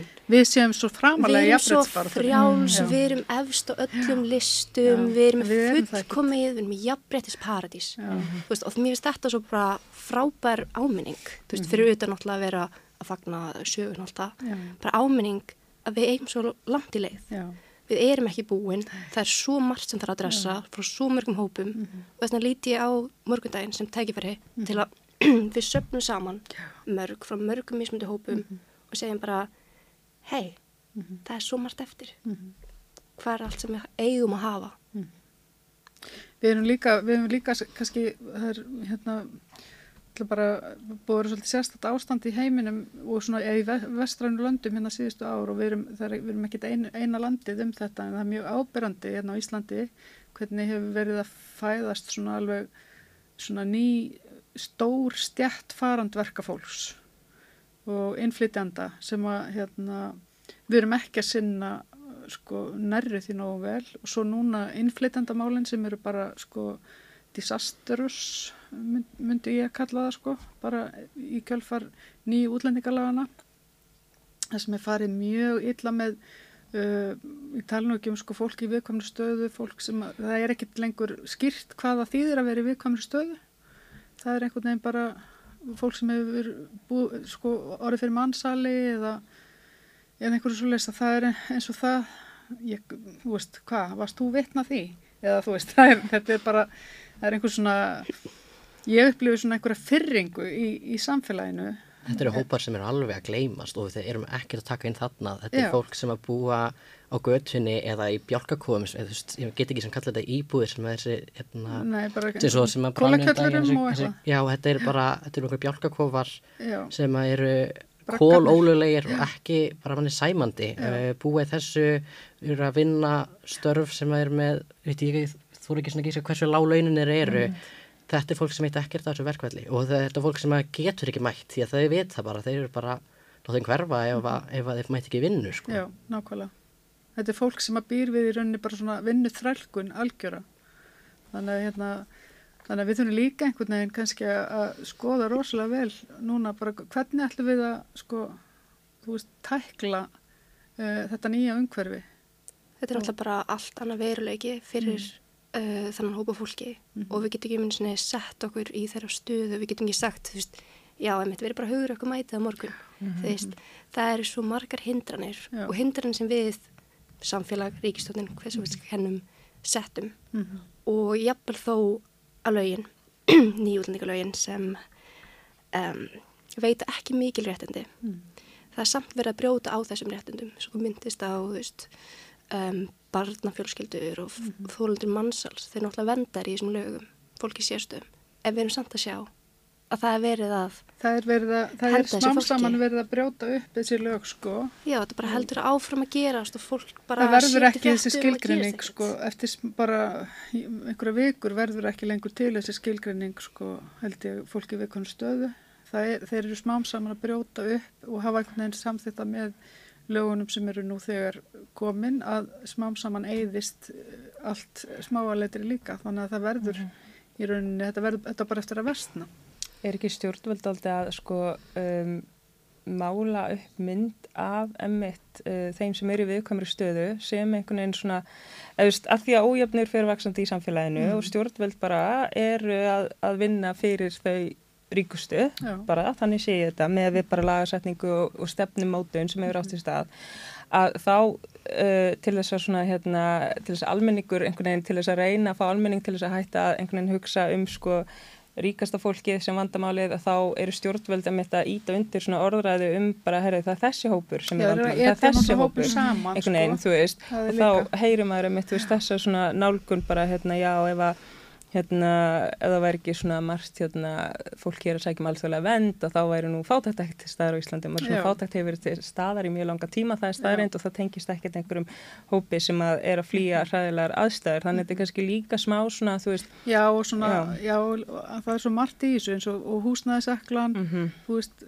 það er aldrei talað um í rauninni að hún tengist Airbnb eða setta hann þú veist, en það er bara talað um að það komu hérna svo margir innflytendur sem þurftu húsnæði, sko, þú veist, það er einhvern veginn, Já, þetta er svolítið afbakað allt. Þannig ég vona morgundagurinn verði einhvern veginn að það komi eitthvað svona sameili niðurstaða fundarins eða sameili Þetta niðurstaða deginum. að- hægt að semja áleiktun með fullu, séu miðbæjar skýr bara einhvern veginn, þú veist, að sé verið að beina sjónum Já. að bara, hérna, bara kerfi sem að virkar alls ekki, en Já, ekki eitthvað já. að, þú veist, Mhm. við þurfum bara eitthvað að standa okkur betur eða að grípa tækifærin eða eitthvað þannig. Þetta er það sem er að þú veist eins og uh, kynsið fólk er að sjá að hörfa upp á það gengur ekki að reyna að laga og byggja upp á brotnu kerfi að þetta er, rótin er dauð og það þýðir ekki að reyna að rækta eitthvað sem er með dauðarót það þarf bara að rífa upp og byrja upp á byrjun sko. Já, já. Hvað þurfum, við að, að taka til í dómskerfinu líka? Já. verður það, eins og ég sagði á Chile, gjörningurum vantilega fra, sem sagt, framkvæmdur sem að beinist svolítið mikið af, af löggesslunni og dómskerfinu, mm. varandi kemfyrirsbrot. Ég Eru skýra leiðir, eru til dæmis fatlaðar konur að, að, sem að verða fyrir ábeldi að, að fá nælan stuðning og, Ég- fá, og bara eiga þær sér úrlausnir í réttakerfinu? Því miður þá er það bara allt og oft ekki niðurstaðan um, út af því að það er svo margir faktorar hann að bakvið, það er alveg bara aðgengi af uh, þú veist, öllu kæruferlin og annað, það er bara að, aðrar aðgengi starfir Mm. uh, það er líka þetta þú veist að, að fá, þi- fá sér lögfræðing það kostar pening Mm. manneskja sem er búin að lifa á örorkulíferi í eitthvað tíma hefur ekki þennan pening Mhm. og hefur kannski ekki endilega heldur baklandið til þess að geta borga fyrir sig.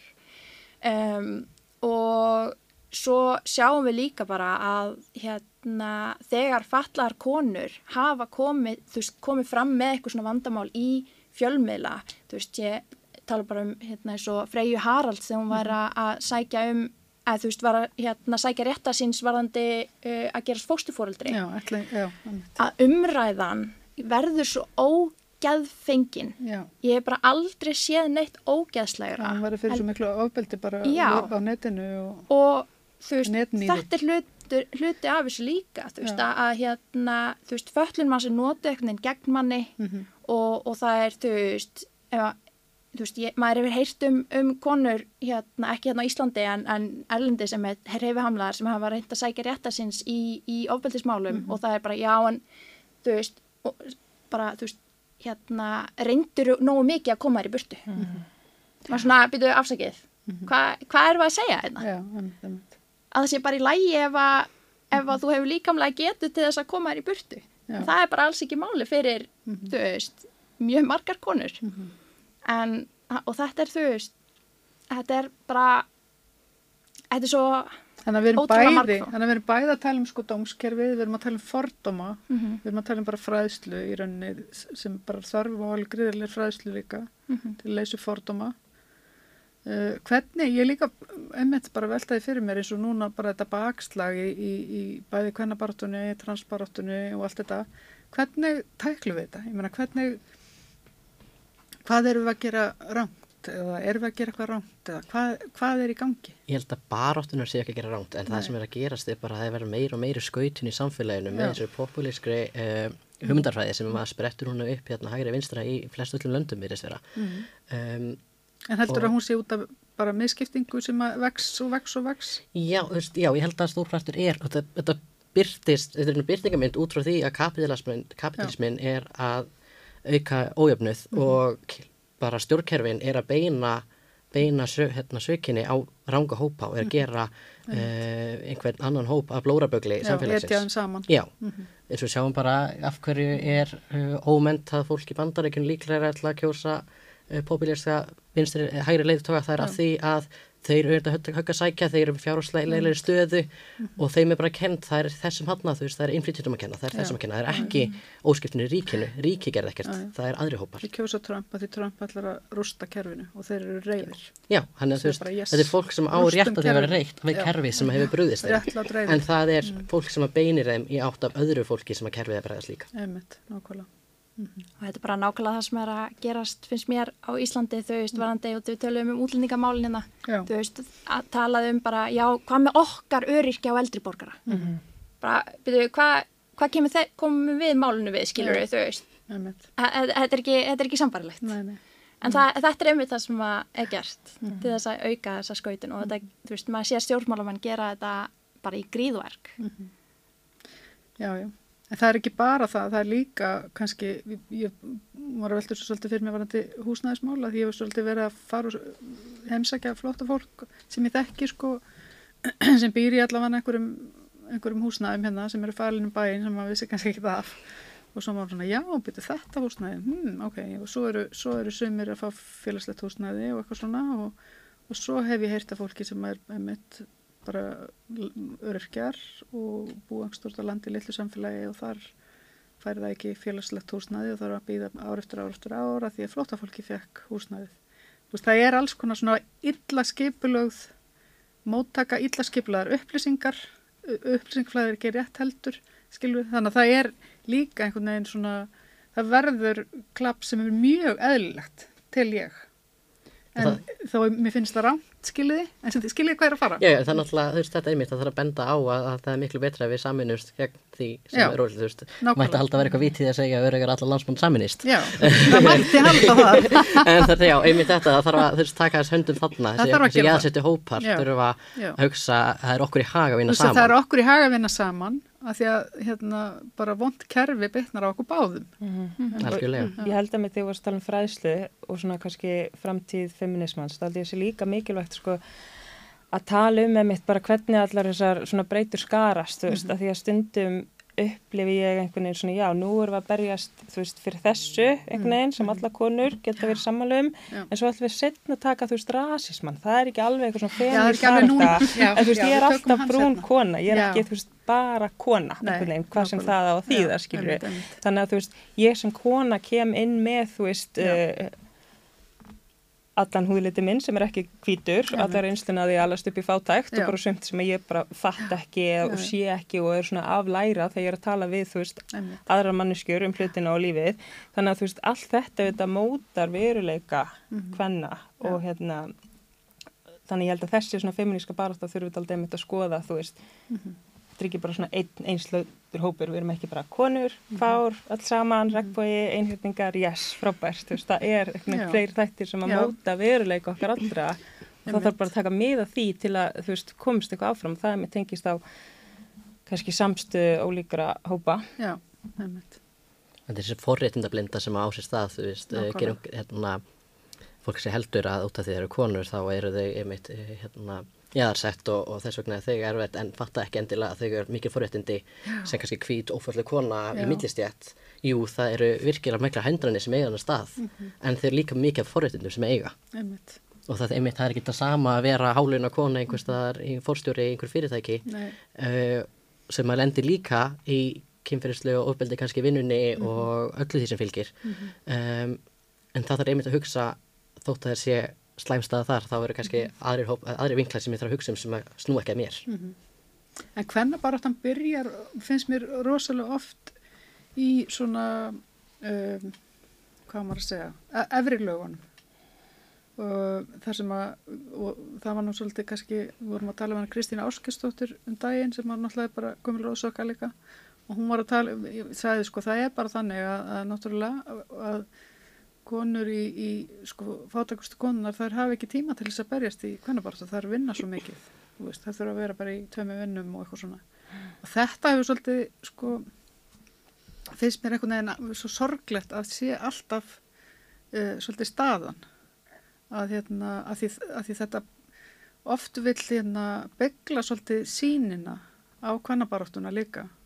Ég held líka að því að áherslan hefur oft verið með sko að konur þurfa að komast í stjórnunastöður og þessi efstu lög og, og hérna og þurfa að auka einhvern veginn svona að, eða þáttöku hvenna í stjórnmálum sem ég er alveg mjög sammála Já, já. og það er bara mjög mikilvægt ef við sjáum þú veist tölunar fyrir einhverjum x árum með við núna þá eru við bara vá, voru bara nokkra konur á þingi og þú veist maður getur ekki ímynda sér þetta. Einmitt, en á sama tíma þá Vill er það að koma konu að þú veist, já, sjá- ef það er kvenkins kapitalisti, Já, þú veist, ef það er, núna erum við með, þú veist, kvenkins fórsetis ráðherra og við getum ekki sagt að það hafi uh, leist miklu. þau svona mál sem að við kannski heldum að það myndi leysa hvað varða bara stöðu hérna, emitt. Já, og við erum líka, og, og við erum mér sér líka með fósittisráðura sem að, sko, lagði rosalega og hefur lagt rosalega áherslu á Mhm. hérna uh, feminisma og jafnbretti og en að því að hún er að vinna með svona ofbóðslega hérna, hvað maður að segja um, Rótnu kerfi bara. Nei, já og líka bara hún er að vinna með sjálfstæðsflokknum sko. Já, og algjörlega. það er náttúrulega bara,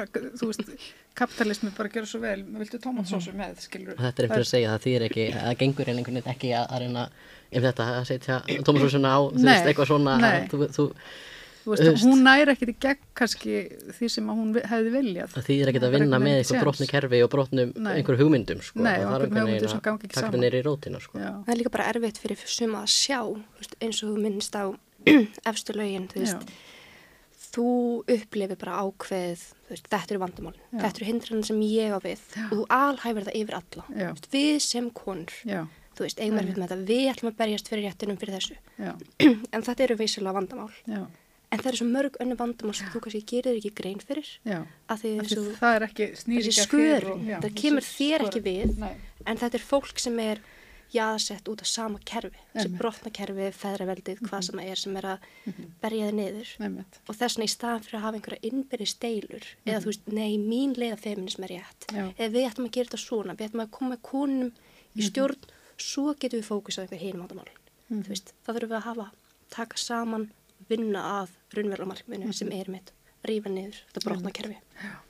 Mér finnst einmitt hérna, und- skipulagningin á, á þessu kvennaverkfalli, þú veist, verið mjög góð hvað varðar þetta, þú veist, að taka inn þessa mismunandi hópa, konur af erlendum uppruna, uh, fatlaðar konur, kvára, þú veist, og svona hinga og þanga, maður alltaf að gera betur, en þetta er allavega eitthvað staðu til að, að byrja Samtalið, þá já. vinnu, þú veist, út af því að það er ekkit langt síðan að, að þú veist, feministar heldu, þú veist, við, viðburð og það var ekki hjólastólaða gengi, skilur þú veist, það er maður svona að byrja, er ég ekki kona? Já. Hva, hvað ert að segja? Já. Getur við ekki verið feministar hérna, við sem að þurfum að að ferðast á hjólum? Já, þú veist, og emmitt, bara, hérna, missi allt í einu kyn mitt bara út í ég er komin í, Já. í, í einhvern hjólastól. Já, einmitt. Þú veist, og það er svona svona hlutir, þú veist, en þetta er allt, mér, mér, að mínu mati allavega, að þá, þú veist, finnst mér þetta vera svona meira að, þú veist, ganga í rétta átt og, þú veist, meira verið að taka tillit til þessar skörunar, þú veist, að, þú veist, ég er ekki með sömu upplöfun og þú og, og, og eða þú, eða þú veist, við erum öll og allar og öll bara með svo ótrúlega þú veist, persónlega bundna upplifun, skilur við, og það skiptir máli að við komum öll saman. Mér finnst mjög- já, mér finnst mjög flott hjá þeim líka að, að involvera þessa hópa strax frá upphafi. Þetta er Mhm. ekki aftur þátt hjá þeim. Mhm. Það, þú veist, það þýr ekki að hafa eitthvað svona er já, alveg, ó, já, í, þú veist, svo þurfum við alveg, við þurfum að finna þetta ramp daginn fyrir, eða, já. já, erum við að fallakonur, þær eru til, uh, eitthvað svona, heldur bara svona, heyrðu, og það ein, svo leiðin til að ná eira af minnildahópum er að fá einhvern úr þeim hóp sem hefur reynslu, hefur kontaktað, eitthvað þannig sem getur. Það er mjög mikilvægt að sé kona í lálunastarf, sem hefur upplifinu lálunastarfi á fátækt Mhm. af erlendum uppruna inn í þessu. Það þýðir ekkit að fólk sem hefur enga mm reynsla þessum heimi sé að skipulga eitthvað í kringum það fólk. Mhm. Einmitt. Já, heyrðu, ég held að, að hérna, ég er svolítið spennt fyrir því að sjá hva, hvernig dagskráðan verður á morgun og, og mæta og hérna e, þó að ég hafi, einmitt, ég get alveg tekið undir margt sem til dæmis Solveig annars aðeins hérna áðan e, og, og ég held að við þurfum alveg að hafa rosalega marga hluti baku eira en, en samstaða skipti máli líka. Og hérna það var nú gaggrins, það er ein gaggrinsrödd mjög hávar á netinu sem er alltaf að gaggrina eitthvað sem að uh, við hérna sósílski feministar erum að gera. Og vinnur okkar hérna kommentir að móti í dag og sagði sko já, einmitt þjóðamorð uh, sína samstöðu? Nei, allt og borgaralagt og hérna, mér finnst þetta helviti gott sko.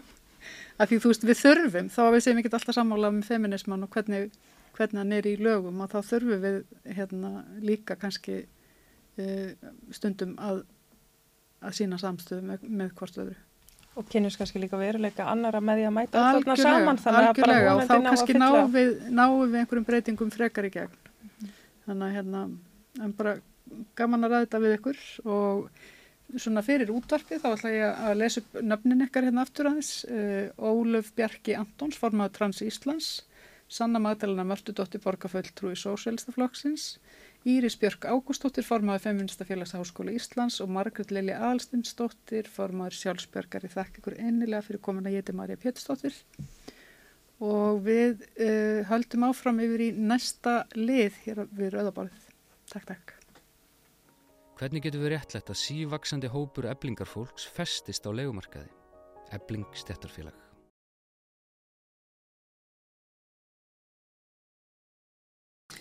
Komið sæl og verið velkomin í uh, þátt, stúdfullan þátt af einstæðu mæðurum.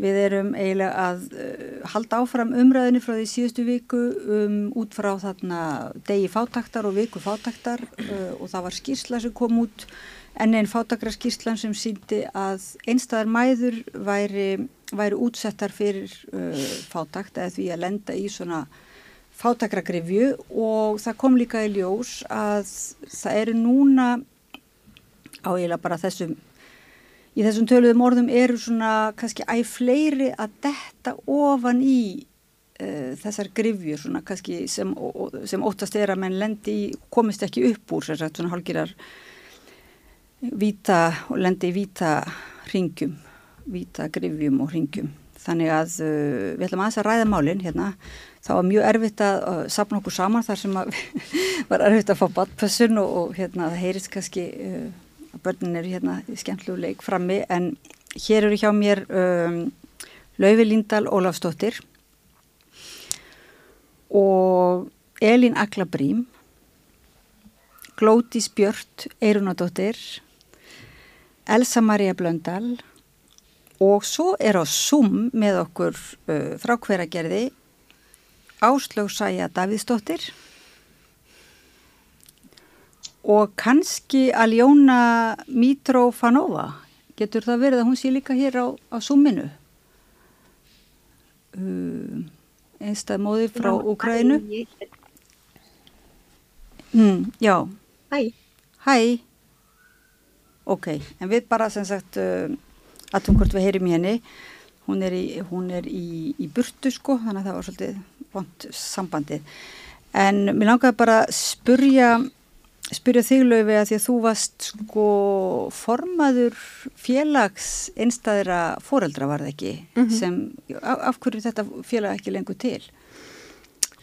Um, sko, ég var formaður frá 2006 að mér minnir til 2010 og sagt, það er bara, og hef þá þess vegna þá reynslu að bara einstæður fóreldrar eru mjög erfiður hópur til þess að mobilisera. Það er sem að halda virkum af því að það er bara lífið er, er þannig. Veist, það eru bara ekki auka tímar í sólaringnum til þess að sinna félagsstarfi eða berjast fyrir sjálfa sig. Þannig að hérna ég held að það sé svona helsta skýringin. Um, þetta, er, þetta er mjög oft hérna náttúrulega oftast konur en hérna þetta er bara fólk sem vinnur mjög mikið og þar síðan að sinna börnum og uh, marg, margir einstæðir fóreldrar eru bara í þeirri stöðu að hafa ekkert bakland og vera jafnvel eina fóreldrið uh, og þannig að það er enginn til að taka vaktir á móti mm. og hérna já þannig að er, ég held að það sé svona skýringin að þetta er bara gríðarlega erfiður hópur til þess að halda úti einn hasmunabaratu. Já allavega en, með lítilbötn sko. Já, en alveg líklega ærið tilefn til. Áslög Sæja, mm -hmm. þú hérna hefur verið eiginlega, með svolítið góðan samanbur, þú varst einsta móðir í, uh, fyrir nokkrum árum síðan og svo aftur núna. Eða þetta með lítil, lítið barn fyrir tölveru síðan eins og í kringum hrunið. Og svo aftur núna Hva, finnst þér, svona, er, er þessir tímar núna minna þeir þig á hruntíman? Já, ég myndi segja það, þeir minna mig á það, ég var með sérst, eh, rúmlega 8 ára gammal barn eh, 2008 í hruninu og svo aftur núna annað 8 ára gammal barn. Já, ég myndi, það er margt líkt en, en um, það sem var kannski öðruvís í hruninu uh, þá var aðalega þeir sem voru kannski með svona há, háa greiðslubyrða fastegnum og svona ímislegt sem að fólk fann fyrir og þeir sem mistu vinnuna sjálfsögum. Í dag er þetta meira og náttúrulega byrjaði með, maður fann fyrir því þegar það byrjaði að hækka bensinnið fyrir einhverjum mánuðum síðan. Og núna hefur í rauninni allt hækkast, þetta verðbólgan hún veldur bara beint út í vörverð og alla þjónustu, það er gjásanlega sko allt sem hækkar. Og maður kannski fann fyrir þessu svona í vor, þú veist, þetta væri að þingjast og svo núna í suma finnst mér þetta virkilega að hafa farið að uh, taka á og núna í haust líka. Og það, og maður svona, það er svona smá sapnast hjá manni upp reikningar og, og það verður, já, maður finnir svona virkilega fyrir að það er svona erfiðar að ná endum saman mm -hmm, núna. Tómur ískápur svona rétt fyrir mánuðamótin. Ó já, maður það bara segja, já, nei, sorry, það er bara ekki, af hverju ekki til neitt í ískapnum spyrir kannski barnið, maður er bara, uh, já, við eigum bara pening til þess að kaupa bara mjölk og brauð og eitthvað svona algjörlega, eitthvað svona lámarks, þú veist, eitthvað lámarks inköp. En nú ert þú ekki mitt, uh, eins og þú sagði mér, þú kannski hefur ekki upplifað þig eða samsama þig með einhverjum hópum svona sem að geta kalla sig fátæka hinga til. Nei. Það er svolítið bara... ný, ný upplifun eða hvað?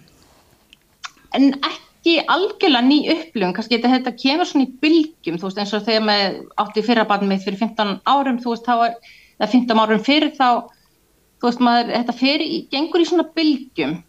Um, eftir hvernig, auðvitað getur maður ekki unnið endilega fullan vinnudag, hvað ég að segja, þú veist, með hvort barnið, finnst mér, uh, nei, ég er náttúrulega bara að kemur uh, heimili sem er bara, þú veist, uh, allir eru mentaðir, um, menningalegt uppeldi, um, við erum bara svona miðstjætt, kannski, ég veit ekki, ég myndi segja, efri miðstjætt eða miðstjætt og maður hefur kannski væntinga til lífsins að maður geti, þú veist, skemmt sér og farið út og noti menningar og lista og börnin fari í menti sig, skilur, fái eitthvað íþróttir og frístundir sko við hæfi og maður getur farið með þau eitthvað. En það eru held ég nokkur ár síðan maður bara algjörlega e, hætti að geta leftir að fara í bíó til dæmis mjög ofta eða í leikús, leikús finnst mér mjög dýr og maður fer ekki í leikús eiginlega til dæmis. Og já. Hvað segir þú Elsa, þú ert eiginlega með sepaða sögur ekki, þú áttu börn svona með hérna, já.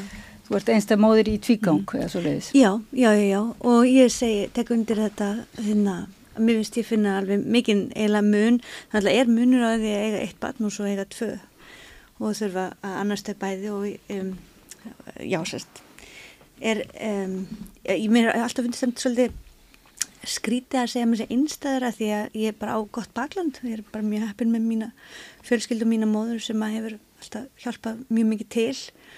Og svona þannig að maður hefur sjálfur líka kannski geta svona, svona aðeins eld sína drauma að, að einhverju leiti og hérna en svo þegar það voru orðinu tvær þá náttúrulega er flóknar að fara þú veist djöblast með þær í pörsun til mömmu alltaf og, og pappa sem er náttúrulega líka eldast og, og velja að fóka skýr ma maður sjálfur vill líka bara eitthvað geta, maður vill geta verið sjálfstæður með börnu sínu sko. Að, ég er alveg sammálað þessu ef ég má grípa já, já, en, að ég er alveg gott bakland en líka vill maður vera sjálfstæður þegar maður er kannski komið á þann aldur og Mm -hmm. og börnin maður vilja heldur ekki endilega alltaf verið í pössun eða Nei, þetta ekki sko. Wow. Já, þannig að hérna, þetta, það hefur alveg svona, já, maður var svona reynir að skauta hann einhvern milli veg. En finnir og, þú fyrir því að sé svona breyting eins og, eins og margir að segja einmitt bara frá sumrinu, frá vorinu, þetta núna Já, árið? absolutt, ekki stjörningur. Já, ég, mér finnst svona, einmitt þetta hefur alltaf svona einmitt eins og segja, komið í bylgjum stundum er þetta erfitt, stundum er þetta svona kortri að vera ekki hægt og, og stundum er þetta bara allt í lægi sko en núna bara er þetta ekki hægt það, ég, það endar nást ekki saman sko það er bara þannig sko. Mm. eða allavega með þannan eina launa tjekka sem er á heimilinu sko. En þú rættir einhvern tíman mann ég uh, varst að hugsa um það svona hvernig við vorum að pæli því hvernig er umverulega kerfið og það kemur fram líka í þessum skýrslum svona kerfið er doldið virðist vera búið til kjara bætur sem eru svona kerfislegar eru búin að svolítið til kannski fyrir uh, kjarnafjölskylduna mm. virðast vera og þetta var Kjartan Ólafsson að segja hérna í viðtali og, og ég fór að hugsa um sko kerfislegt er það þá en mér finnst þú hafi nefnt að líka að Þótt á Íslandi séu margar uh, einstæða mæður og mm. Vigdís Fórseti hafi verið einstæða móðir og mm. sínt gott fordæmi svona uh, stolt íslensk, mm. já, að þá samt fyndir þú fyrir einhvers konar svona fordómum eða já, í gard eftir að mæra. Það er kannski svona, það er kannski tvent sem að, svona, ég var um til að hugsa um þetta mm. á leðinni, heim úr vinninu og í viðtali. Og hérna en það er sérst að, að það, það, svo umræðin okkar milli, hún kom til út af því að sérst að þá var ég að horfast í auðvið sérst að eldri dóttir mín lendi í svona einaldismáli sko.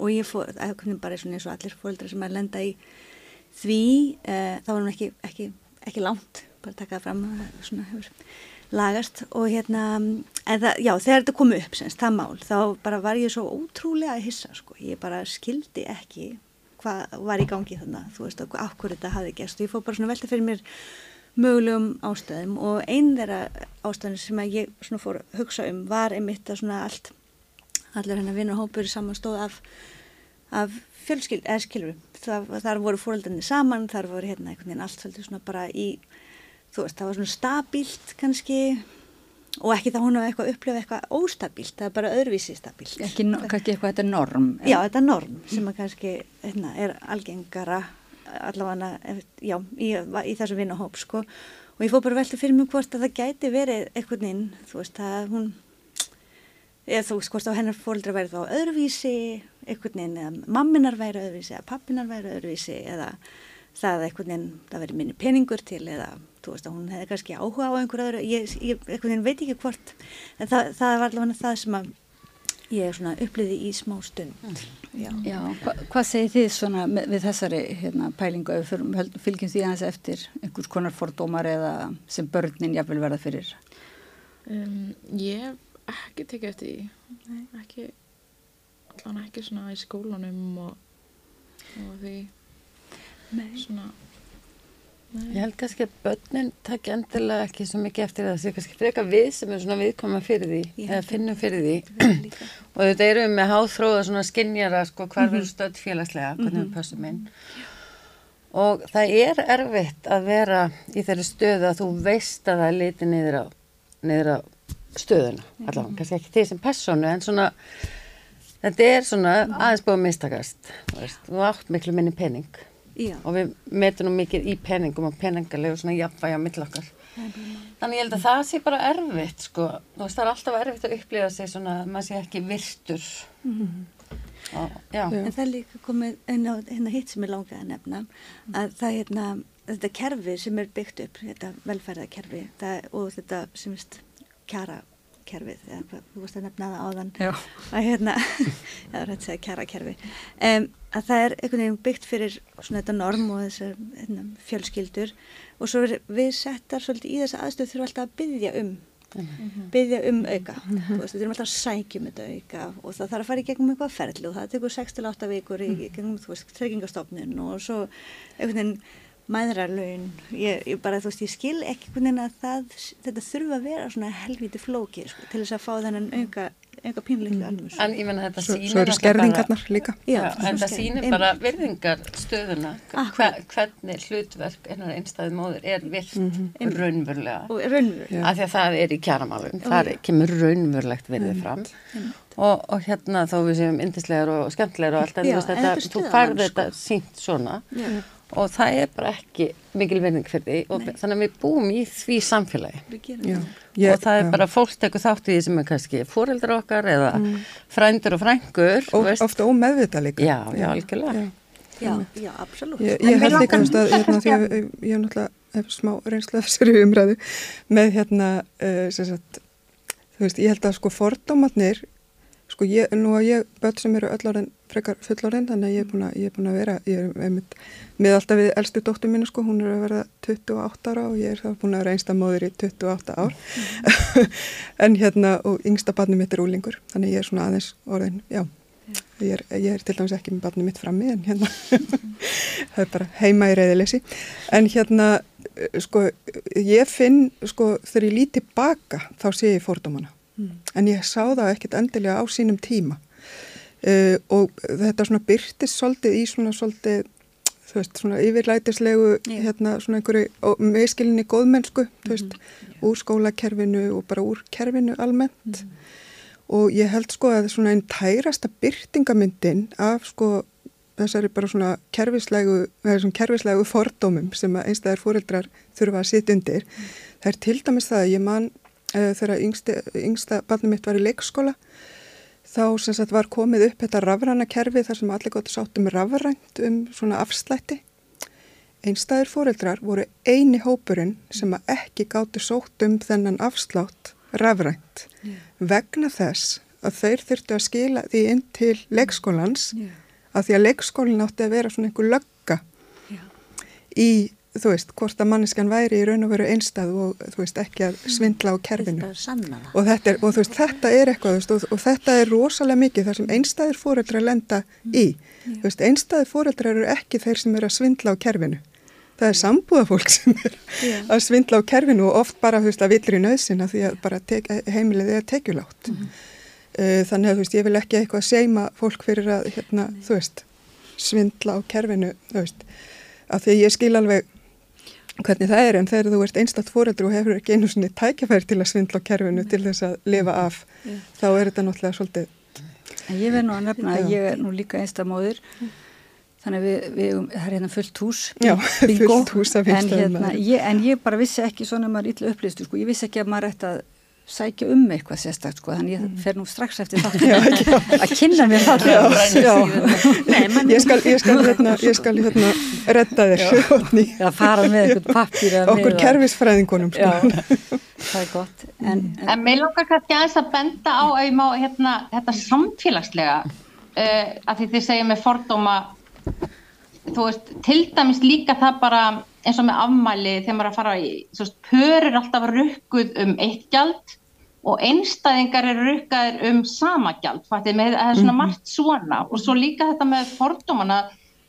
Ef þau eru í sambandi við börnin, ef þau lendi einelti eða eitthvað, eitthvað vandamál þá að hafa hör oftast líka stuðning af hvort öðru og börnin þá þess meiri stuðning.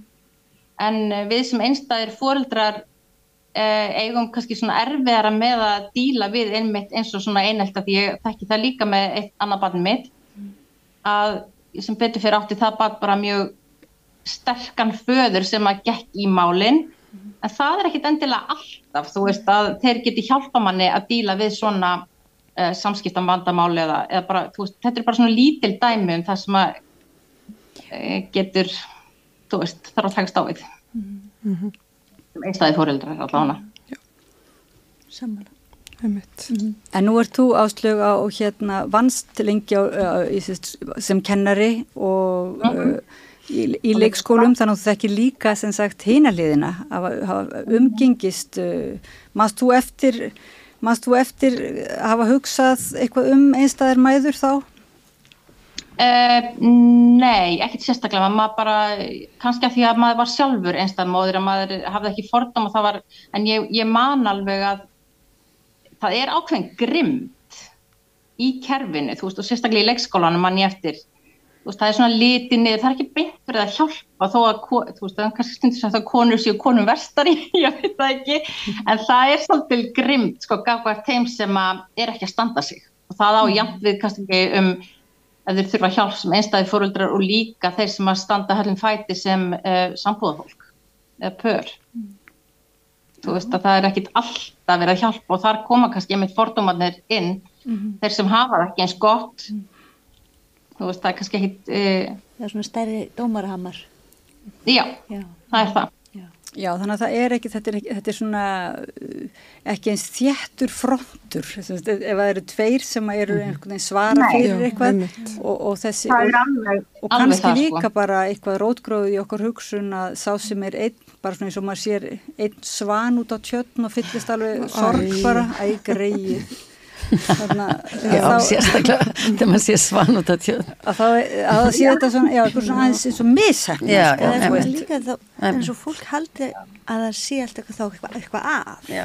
Þú veist, þannig bara eitthvað, mitt, eitthvað andlega að eða hún er í fíkni vanda eða veist, það, það er svo margt sem kemur upp í hugan hjá öðrum og það er einmitt svona þegar maður er búin að vera kannski strakla lengi svo maður hefur í rauninni það sem slær mig stundum líka en, en þá sko, maður hefur í rauninni gert allt rétt sko, ég einmitt maður stígur út úr einhverju sambandi sem er ekki gott fyrir börnum manns, skilur, og bara ekki gott fyrir manns heilsu.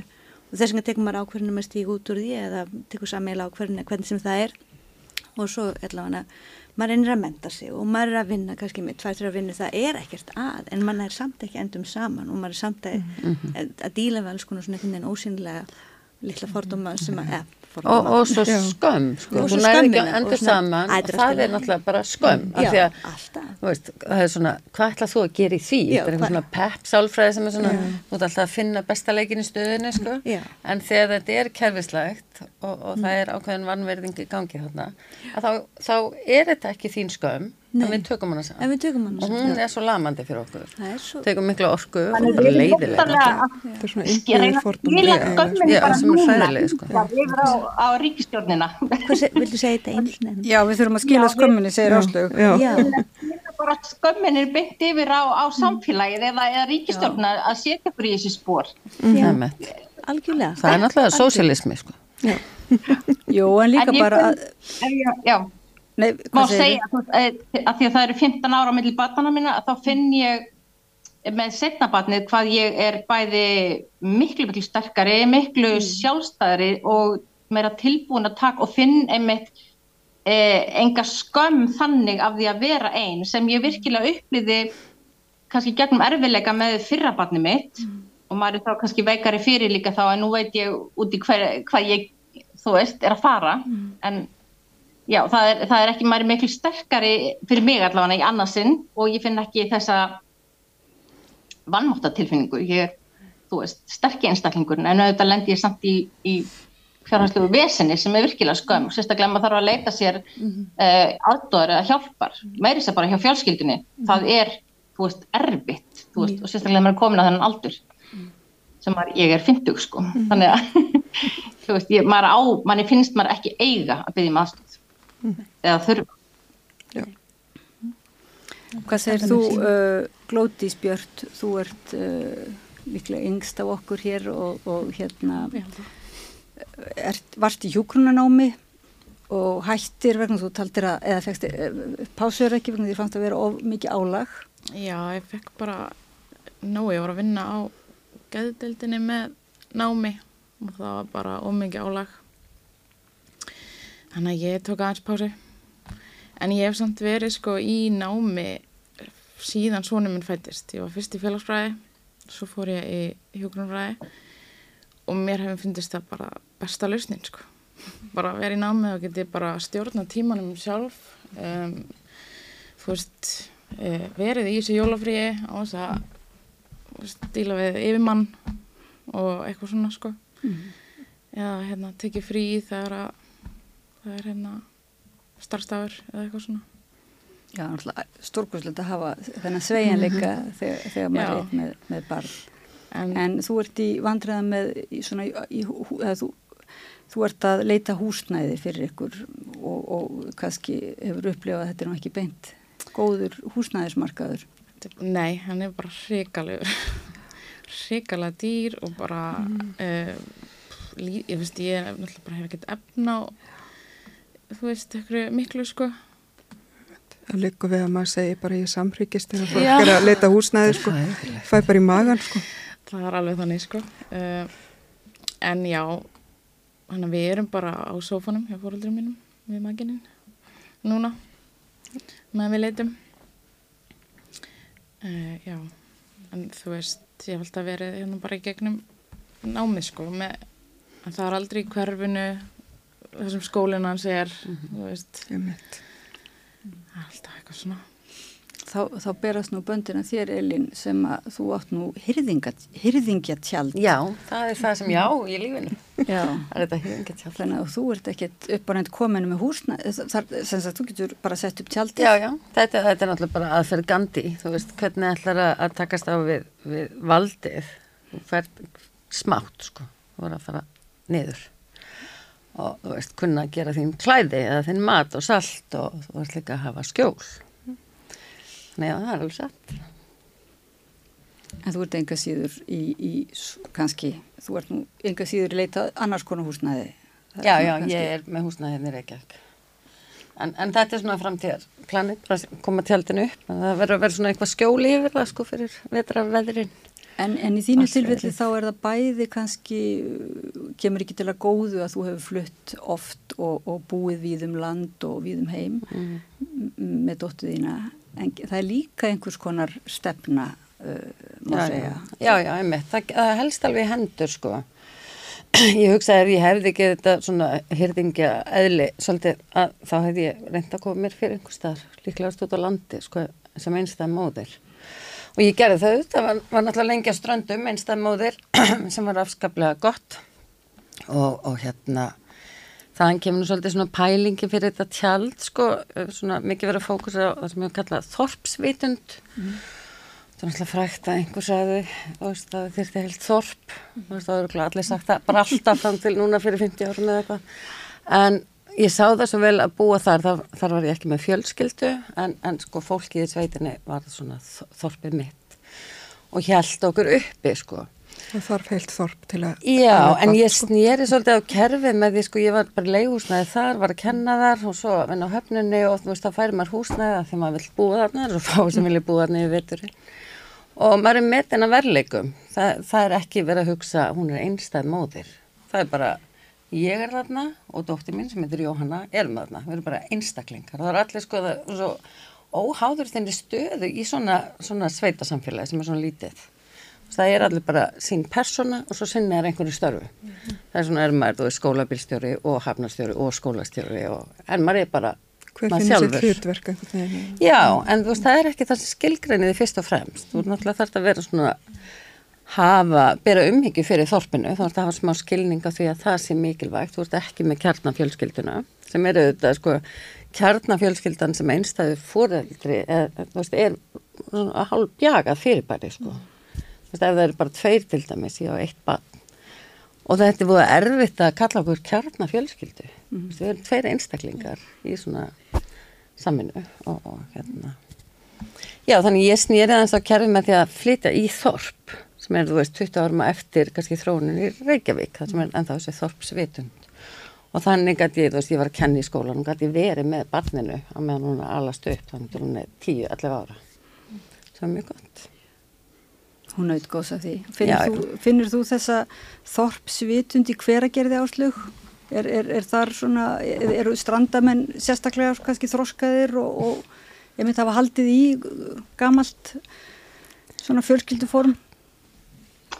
Um, nei, mér, mér finnst það persónlega, þú veist, ekki. ég hef kannski ekki fundið fyrir því, sko.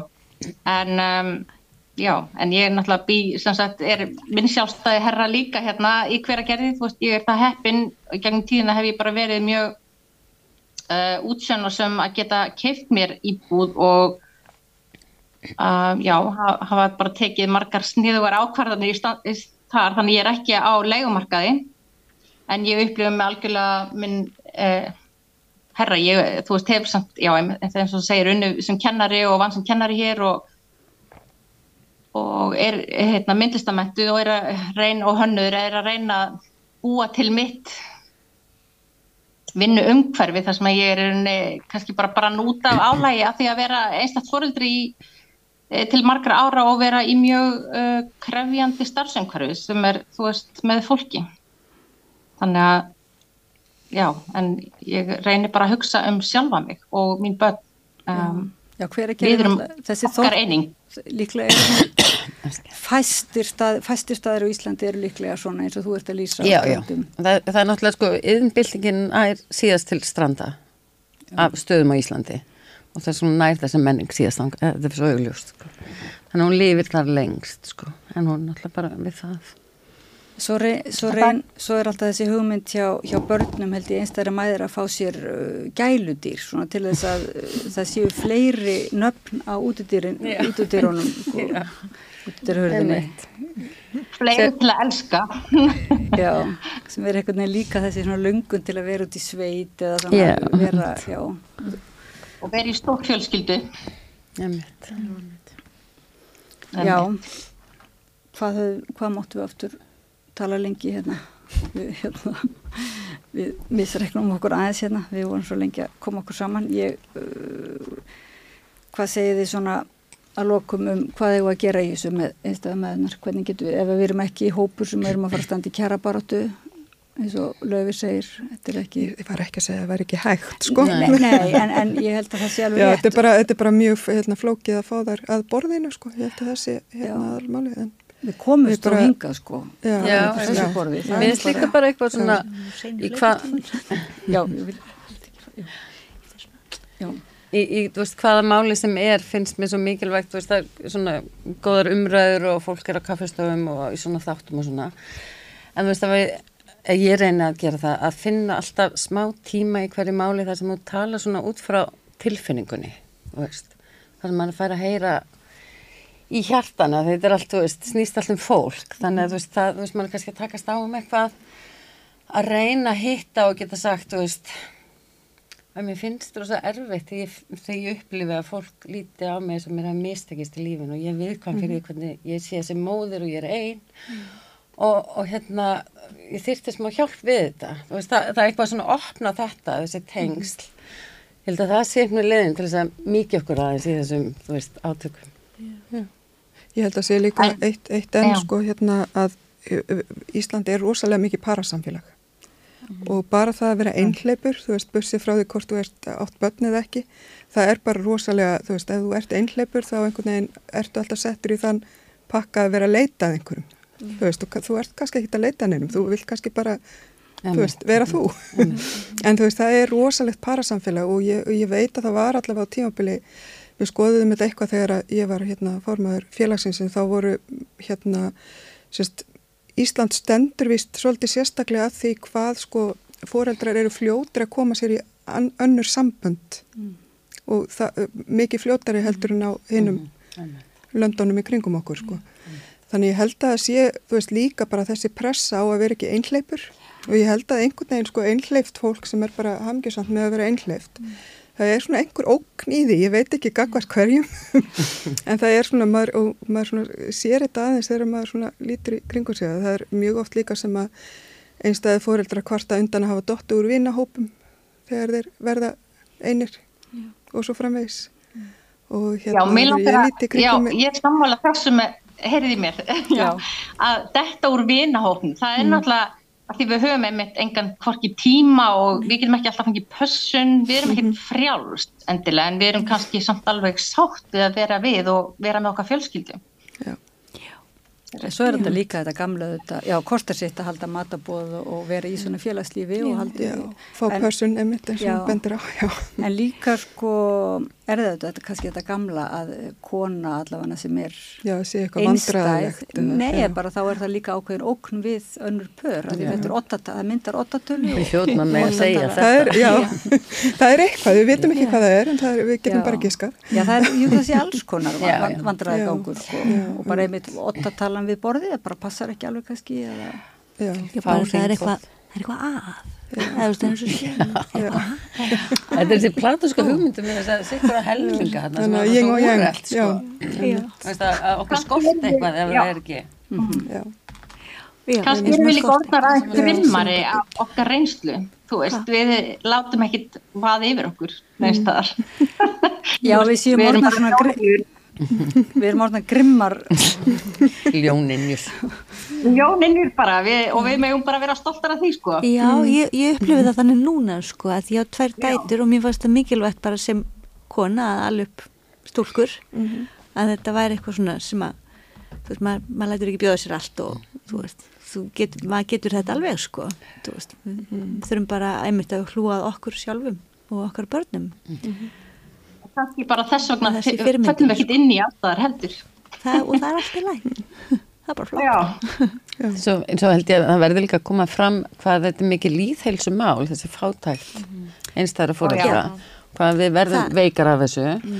Og ég, ég hef ekki heyrt töluna af því hérna, hér, sem fer í hérna örmögnun, hvað heitir það, kulnun? Já. þú veist, að, að vita að stærsti hópurinn konur á miðumaldri, þú veist, það er mm breytingaskeið, en hversu stór hópur er konur með frekar ung börn, þú veist, það verður bara mjög gott að vita þetta, mm þegar ef að það er nú málið, að þú veist, að 70% séu sá hópur, þá náttúrulega bara segir það okkur allt sem við þurfum að vita. En, en þessi streyta við að geta ekki keft í matinn og, og hérna, verið í samanburði og, og reyna sinna tilfinningalegu uppbyldi bassa síns eða barnana sinna og mann, mann sjálf, allt þetta, þetta er bara ómikið. Staklega ár eftir ár eftir ár eftir Já, ég meina, þú veist, k- k- mað, ég fer ekki út að labba þess að ég hitt eitthvað sem bara, já, ég var að fara, þú veist, byrja hjá virk og ég bara, þú veist, þetta er ómikið. Þetta bara er ómikið. Þannig að sko þessi lífsafkoma ótti og háleiga og og leigumarkaði, þetta er bara fyllilegt og þetta hefur svo bein áhrif að helsu.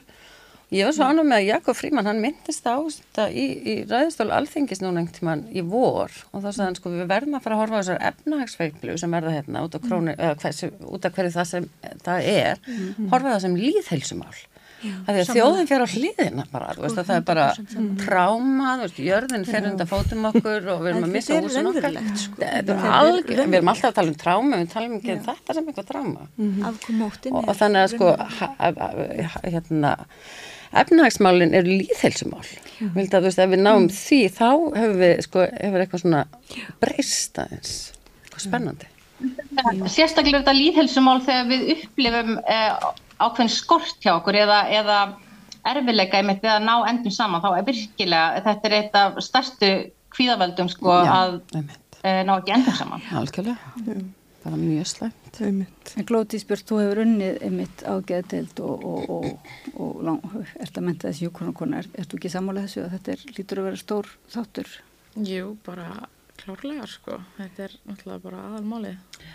Veist, við þurfum að ná endum saman og til að halda heilsinni svo við getum syndis öllu. Þú veist, við erum náttúrulega bara að gera allt. Þannig að Og en upplifir þú að þú sért raunverulega í, upplifir þú bara í fröðu að þú sért í einhverjum hópi að vera einsta móðir? E, já, við erum líka bara alveg mjög margar, þú veist, Mhm. það er, það er mjög stærlega allt múrandi í þeim, sko, ég er eiginlega að segja það. Þannig að, þú veist, ég til dæmis bjó með frænkum minn sem var líka einstamóður, þú veist, við byggum bara saman, e, og vorum bara að sinna þannig að bönnunum okkar saman, sem þá kjarni fjölskylda bara. Já, já, nokkla. E, sem var mjög fínt, sko, en mjög notalegt, sko, en Það er einmitt mjög falleg raunverulega líka ef, ef Mm. maður er alltaf að hugsa svona ef einhver vil gera rannsókn á einhverju þá hérna uh, væri gaman að skoða líka með þessi hvernig við raunverulega reynum að búa til með Mhm. ymsu móti þetta, þetta þorp í kringum okkur.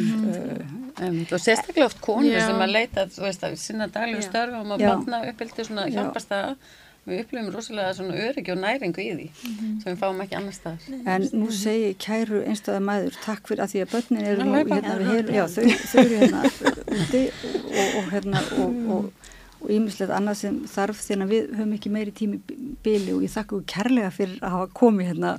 Og við höfum náð að koma visst allar afrek, saman. Já. það var bara mjög mikið afreg og hérna Takk allar, og við bara verðum að halda þessari hérna, já, sam, hvað heitir þetta bara baráttugleði sem byggist á líka hérna, já, samverugleði líka. Já, Takk fyrir okkur. Takk. Hvernig getur við réttlætt að um 63% eblingarkvenna eigi erfitt með að ná endum saman? Ebling stjættarfélag. Baróta fyrir betra lífi.